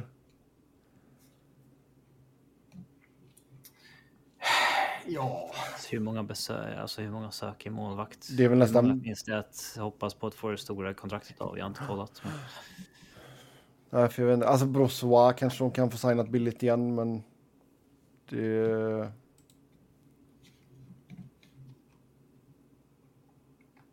Det är ju inte så att Brossois är något bevisat kort heller liksom. Det... Vad fan har han gjort? 117 matcher liksom. Mhm. Så ja. Yes, yes, yes. Den, den, blir, den blir intressant att se. Men man ska nog passa sig från, att- för att ge Aiden Hill ett femårskontrakt på stora pengar. Det tror jag ingen gör. Det behövs bara en uh, trigger happy GM vet du. Jag tror inte du hittar någon. Mm. Japp, japp, japp. Ja, vi kanske ska nämna också, det glömde vi ju, eller jag, att ta upp. Det var ju att eh, Jonathan Marchessault vann uh, Conn Smythe. Så kan vi säga grattis till honom också. Kanske inte det man trodde skulle vinna Conn Smythe när Vegas gick och vann. Nej, alltså det fanns ju en del kandidater, det får man ju ändå säga. Den stora favoriten inför finalen måste ju ha varit Bobrovski. Oh ja, oh ja. Ja det var ju dunder. Efter finalen fick han, nej kanske inte dundergiven, men liksom ändå... Många skulle nog säga honom som den stora favoriten. Efter finalen fick han inte en enda röst. Nej. Nej. Nej. Så uh, illa gick det. Jag menar, vad fan händer med honom nu liksom? Kommer man trada honom? Kommer man försöka dumpa honom på något annat sätt? Kommer man hoppas att liksom... eh, Det finns ju ingen målvakt i som har lika stort mellan sin högsta och lägsta nivå. Nej. Spannet liksom. Nej, men alltså det är kontrakt, alltså det är fortfarande otradebart. Det är tre år till på 10 miljoner i cap hit. Det, det går inte att trada. Så inte det. Det behövs bara, i och för sig Alltså, bara en trigger happy GM. Ja, alltså, jo, den tror jag nog går om... Alltså med tanke på vilken jävla nivå han kan besitta. Så... Eh, tror jag nog att den inte är totalt omöjlig. Och Han, nu har han ändå bara tre år kvar på det där. Men du ska ju retainas i så fall. Ja, Eller byta uset mot uset kontrakt. ja. Absolut. Så, ja. Ja, den är... Ja. Den är intressant också såklart. Och liksom i Floridas fall så vet man ju inte heller vad status riktigt är med Spencer Knight heller. Det, honom glömmer man ju nästan bort. Men jag menar, de har ju honom på tre år också, 4,5 miljoner. Ehm. så ja. Så är det med det. Det kanske blir lite målvaktskarusell ändå. Kanske. Eh, vi snackade om Dubas avsked, gjorde vi. Eh, och allt det där. Vad är bäst för Kings? En eh, PLD eller en målvaktstrade? Du kan inte säga så. Du ska få veta vad det innebär. PLD. En PLD. Sebbe vet inte heller vad det En innebär. klassisk PLD. Pierre-Luc Dubois antar jag där. Ja. Klassisk PLD. Nej, alltså du, jag tror väl inte alltså... Sebbe hade ingen aning. Du, Dubois lär väl inte vara på, eller Kings lär väl inte vara på hans radar? Jo, det tror jag nog. Tror du? Han vill ju, Dock, eh, han vill ju hem. de säger ju att han kommer signa för 8-9 millar och det har han ju inte producerat nog för att göra. Nej. Man tänkte först att ja, han ber väl om det så landade det på 7,5 någonting, men eh, jag tror det var Friedman som sa att det, det är där det kommer landa. Ja, nej, nej. Då ska, då ska de väl inte vara med i konversationen där. Herregud. Det, nej, nej. Du, du måste ha in en målvakt. Det, du kan inte... Alltså... Fionix Copley, all ära det han gjorde den här säsongen. Och det Korpisalo gjorde när han kom in. Men jag menar om inte Korpisalo uh, går att lösa för en vettig peng så... Precis kan ju inte satsa, man kan inte satsa på Nej, nej, nej. Nej. man får Nej, nej. välja. Nej. Alltså man har, eh, man har bra topp 6, man har två bra centrar för topp 6 liksom. Man har bra wingers för att fylla ut, man har bra prospect som kommer underifrån liksom. Det är inte där man ska lägga sina resurser Nej. när det finns ett sånt jättejävla hål på målvaktspositionen tycker jag. Så det, det är den man behöver lösa. Eh, vi fick även in en fråga här vad Kings behöver göra för att bli en contender. Då, alltså sätta den första målvakten är ju verkligen prio ett.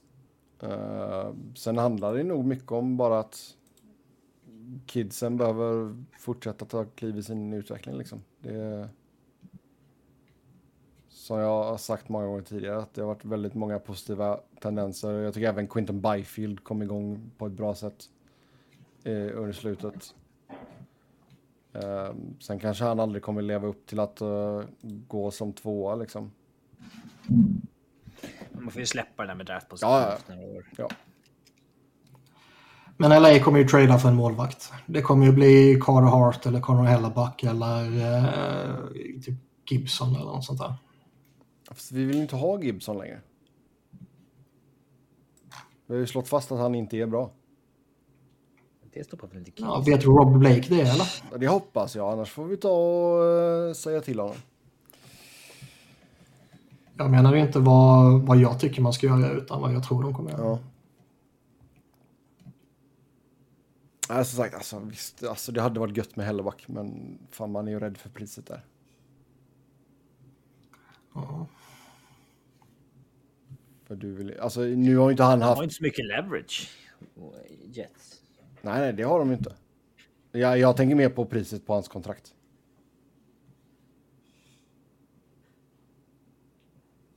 För som sagt, blir han eh, sju, eh, åtta år på 10 miljoner liksom, det är... Det är mycket pengar. Mm. Vi, har, vi har sett det, man ska inte lägga för mycket pengar på målvakter. Nej, det finns brutalt få exempel när det har blivit bra. Ja.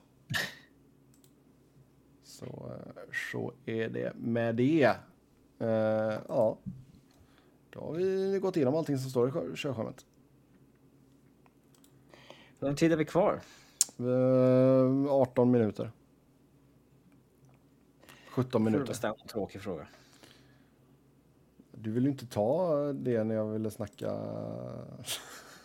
Vi får aldrig veta vad jag ville prata om Edmonton helt enkelt. Det så enkelt är det. Ingen som har en täv- eller? tävling på uppstuds. Det var... Eh, Edmonton kopplas ihop med Jonathan Taves. Ja, kanske det. Men en sak som vi faktiskt, som jag vill prata med dig om Robin, det är ju Landeskog. Landeskog. Ja, Ja. Just det. Ja, det är fan det- Har, vi, har det här hänt någon spelare tidigare? Alltså så i modern tid?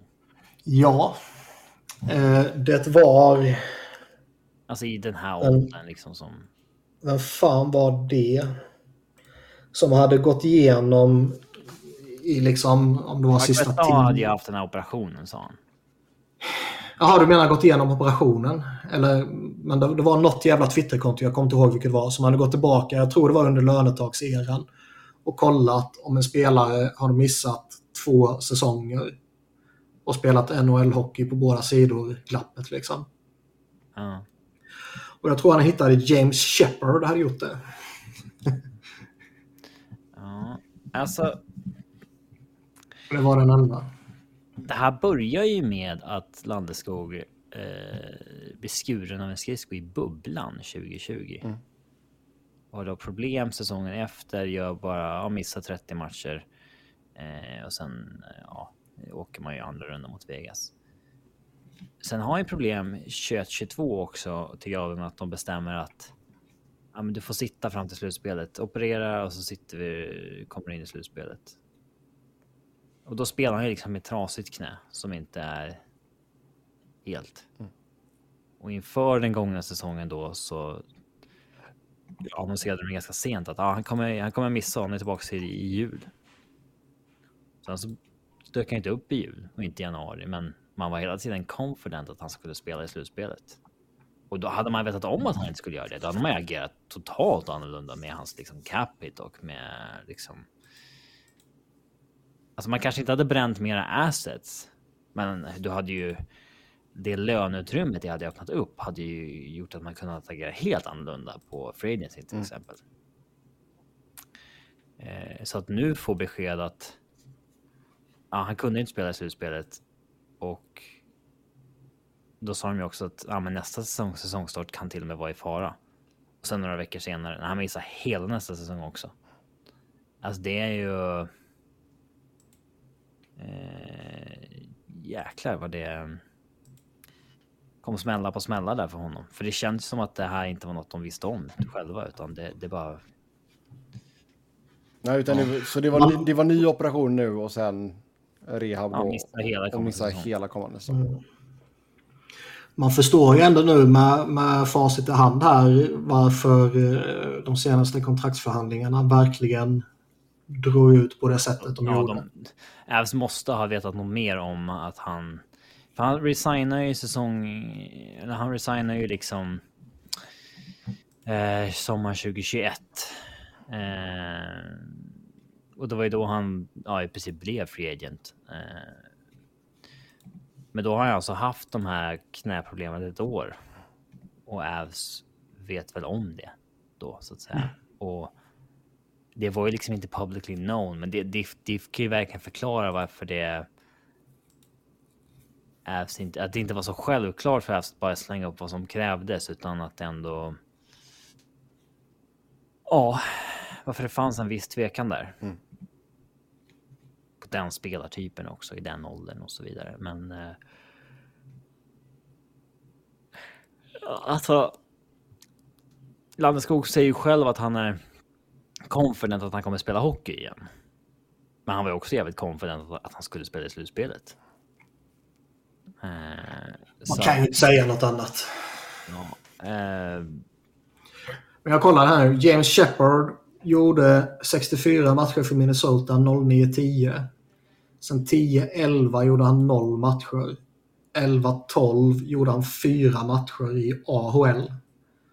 Och sen så 12-13 så, så spelade han igen. Det var, det var den comparable som jag kommer inte ihåg vilket jävla konto det var, men det var något sånt här hyfsat stort konto. Liksom. Tänk Evolving Wild eller något liknande. Mm. Det var någon av de stora Twitterkontona. Ja. eh, nej, men det... Jag tror ju att han kommer spela hockey igen, men det ska bli väldigt intressant att se vad för skick han är tillbaks i nästa säsong i så fall. Alltså när han står där i oktober 2024. Mm. Um, hur mycket har en sån spelare då tappat? Jag tror inte att det är en 7 miljoner spelare du får tillbaks. Det var ju under lockouten när eh, de fimpade hela säsongen. Mm. Så var det ju vissa spelare som gynnades enormt av det. Att man fick eh, vila en sargad kropp och, och kunde liksom äh, återhämta sig för första gången någonsin typ. Och sen så fick man en ny skjuts på karriären. Jag tänkte säga det, är det inte det som Teemu Selänne alltid snackar om? Jo, jag tänkte säga Selänne som ett typexempel. Liksom. Men sen var det ju andra spelare som visserligen var, vad jag kommer ihåg, äldre än, än vad Landeskog var nu, som eh, liksom typ försvann efter att eh, ett, ett års uppehåll då liksom. Eh, och bara vara borta två år är ju... Ja, men som, som vi sa tidigare, det är ju unheard of. Och dessutom hade problem, alltså det blir ju liksom mer än två år också. När du... Eh, han spelar, han missar ju liksom halva säsongen de går och vinner och sen spelar på ett ben i slutspelet. Mm. Eh, alltså kattar du bort att han spelade i slutspelet så blir det ju nästan tre år han blir borta. Och det är ju extremt alltså. Mm. Ja. Ja, och sen så vi, vi var inne på Mark Methoy som, som, eh, som du nämnde. Han, han, gick ut på, på Twitter och sa att liksom, ah, men den här skadan och den här operationen hade jag och jag kunde inte åka skridskor på NHL-nivå efter det. Han var dock lite äldre, men... Ja, han var inte riktigt samma naturliga begåvning heller. Nej. Men ändå en solid eh, NHL-back liksom. Ja. Lite underskattad på sin tid till och med. Ja, kanske. Eh, men ja. ja men om ni får gissa, ni tror väl också att han, att han kommer eh, göra ett comeback-försök? Ja. Det känns inte som det här... När det är en inofficiell liksom, eh, pension. Nej, den, nej alltså jag tror inte att det blir någon... Det det blir, jag tror inte att det blir någon Kläffbom-grej liksom. Mm. Sånt tycker man, brukar inte det typ läcka ut liksom att ja, men han har nog spelat sin sista match och det här ser illa ut och det bla bla bla. Liksom, här har det väl bara pratats om, som du var inne på, att han... Eh, ja, det släpps bilder på det här, någon in i första steget på rehabprocessen och bla bla. Ja. Eh, så att... Eh, ja, jag, jag tror att han spelar hockey igen, men det, det blir intressant att se vad det är för skick han kommer tillbaka i. Verkligen. Yes. Hockey 3. Korpen Hockey i Stockholm. Ja, då tar vi och rundar av vårt eh, första avsnitt som eh, Sveriges bästa NHL-podcast. Uh, som vanligt så kan ni köta hockey med oss via Twitter. Mig hittar ni på @sebnoren. Niklas. Utan blue checkmark? Ja, numera utan blue checkmark. det, Har du pröjsat för det? It was fun while it lasted. Uh, nej, jag tänker inte ge Elon några pengar faktiskt. Uh, alltså, han är så jävla dum i huvudet Elon. Mm. Alltså han verkar inte... Nej. Uh, men ja, ett Sebnoren Niklas sitter ni på att Niklas Wiberg, Niklas med C, Wiberg med enkel V, Robin på R underscore Fredriksson och podden på SB NHL Podcast. Så tills nästa gång, ha det gött. Det är, jag ska säga personligen att det är helt underbart att vara tillbaka. Ha det gött, hej.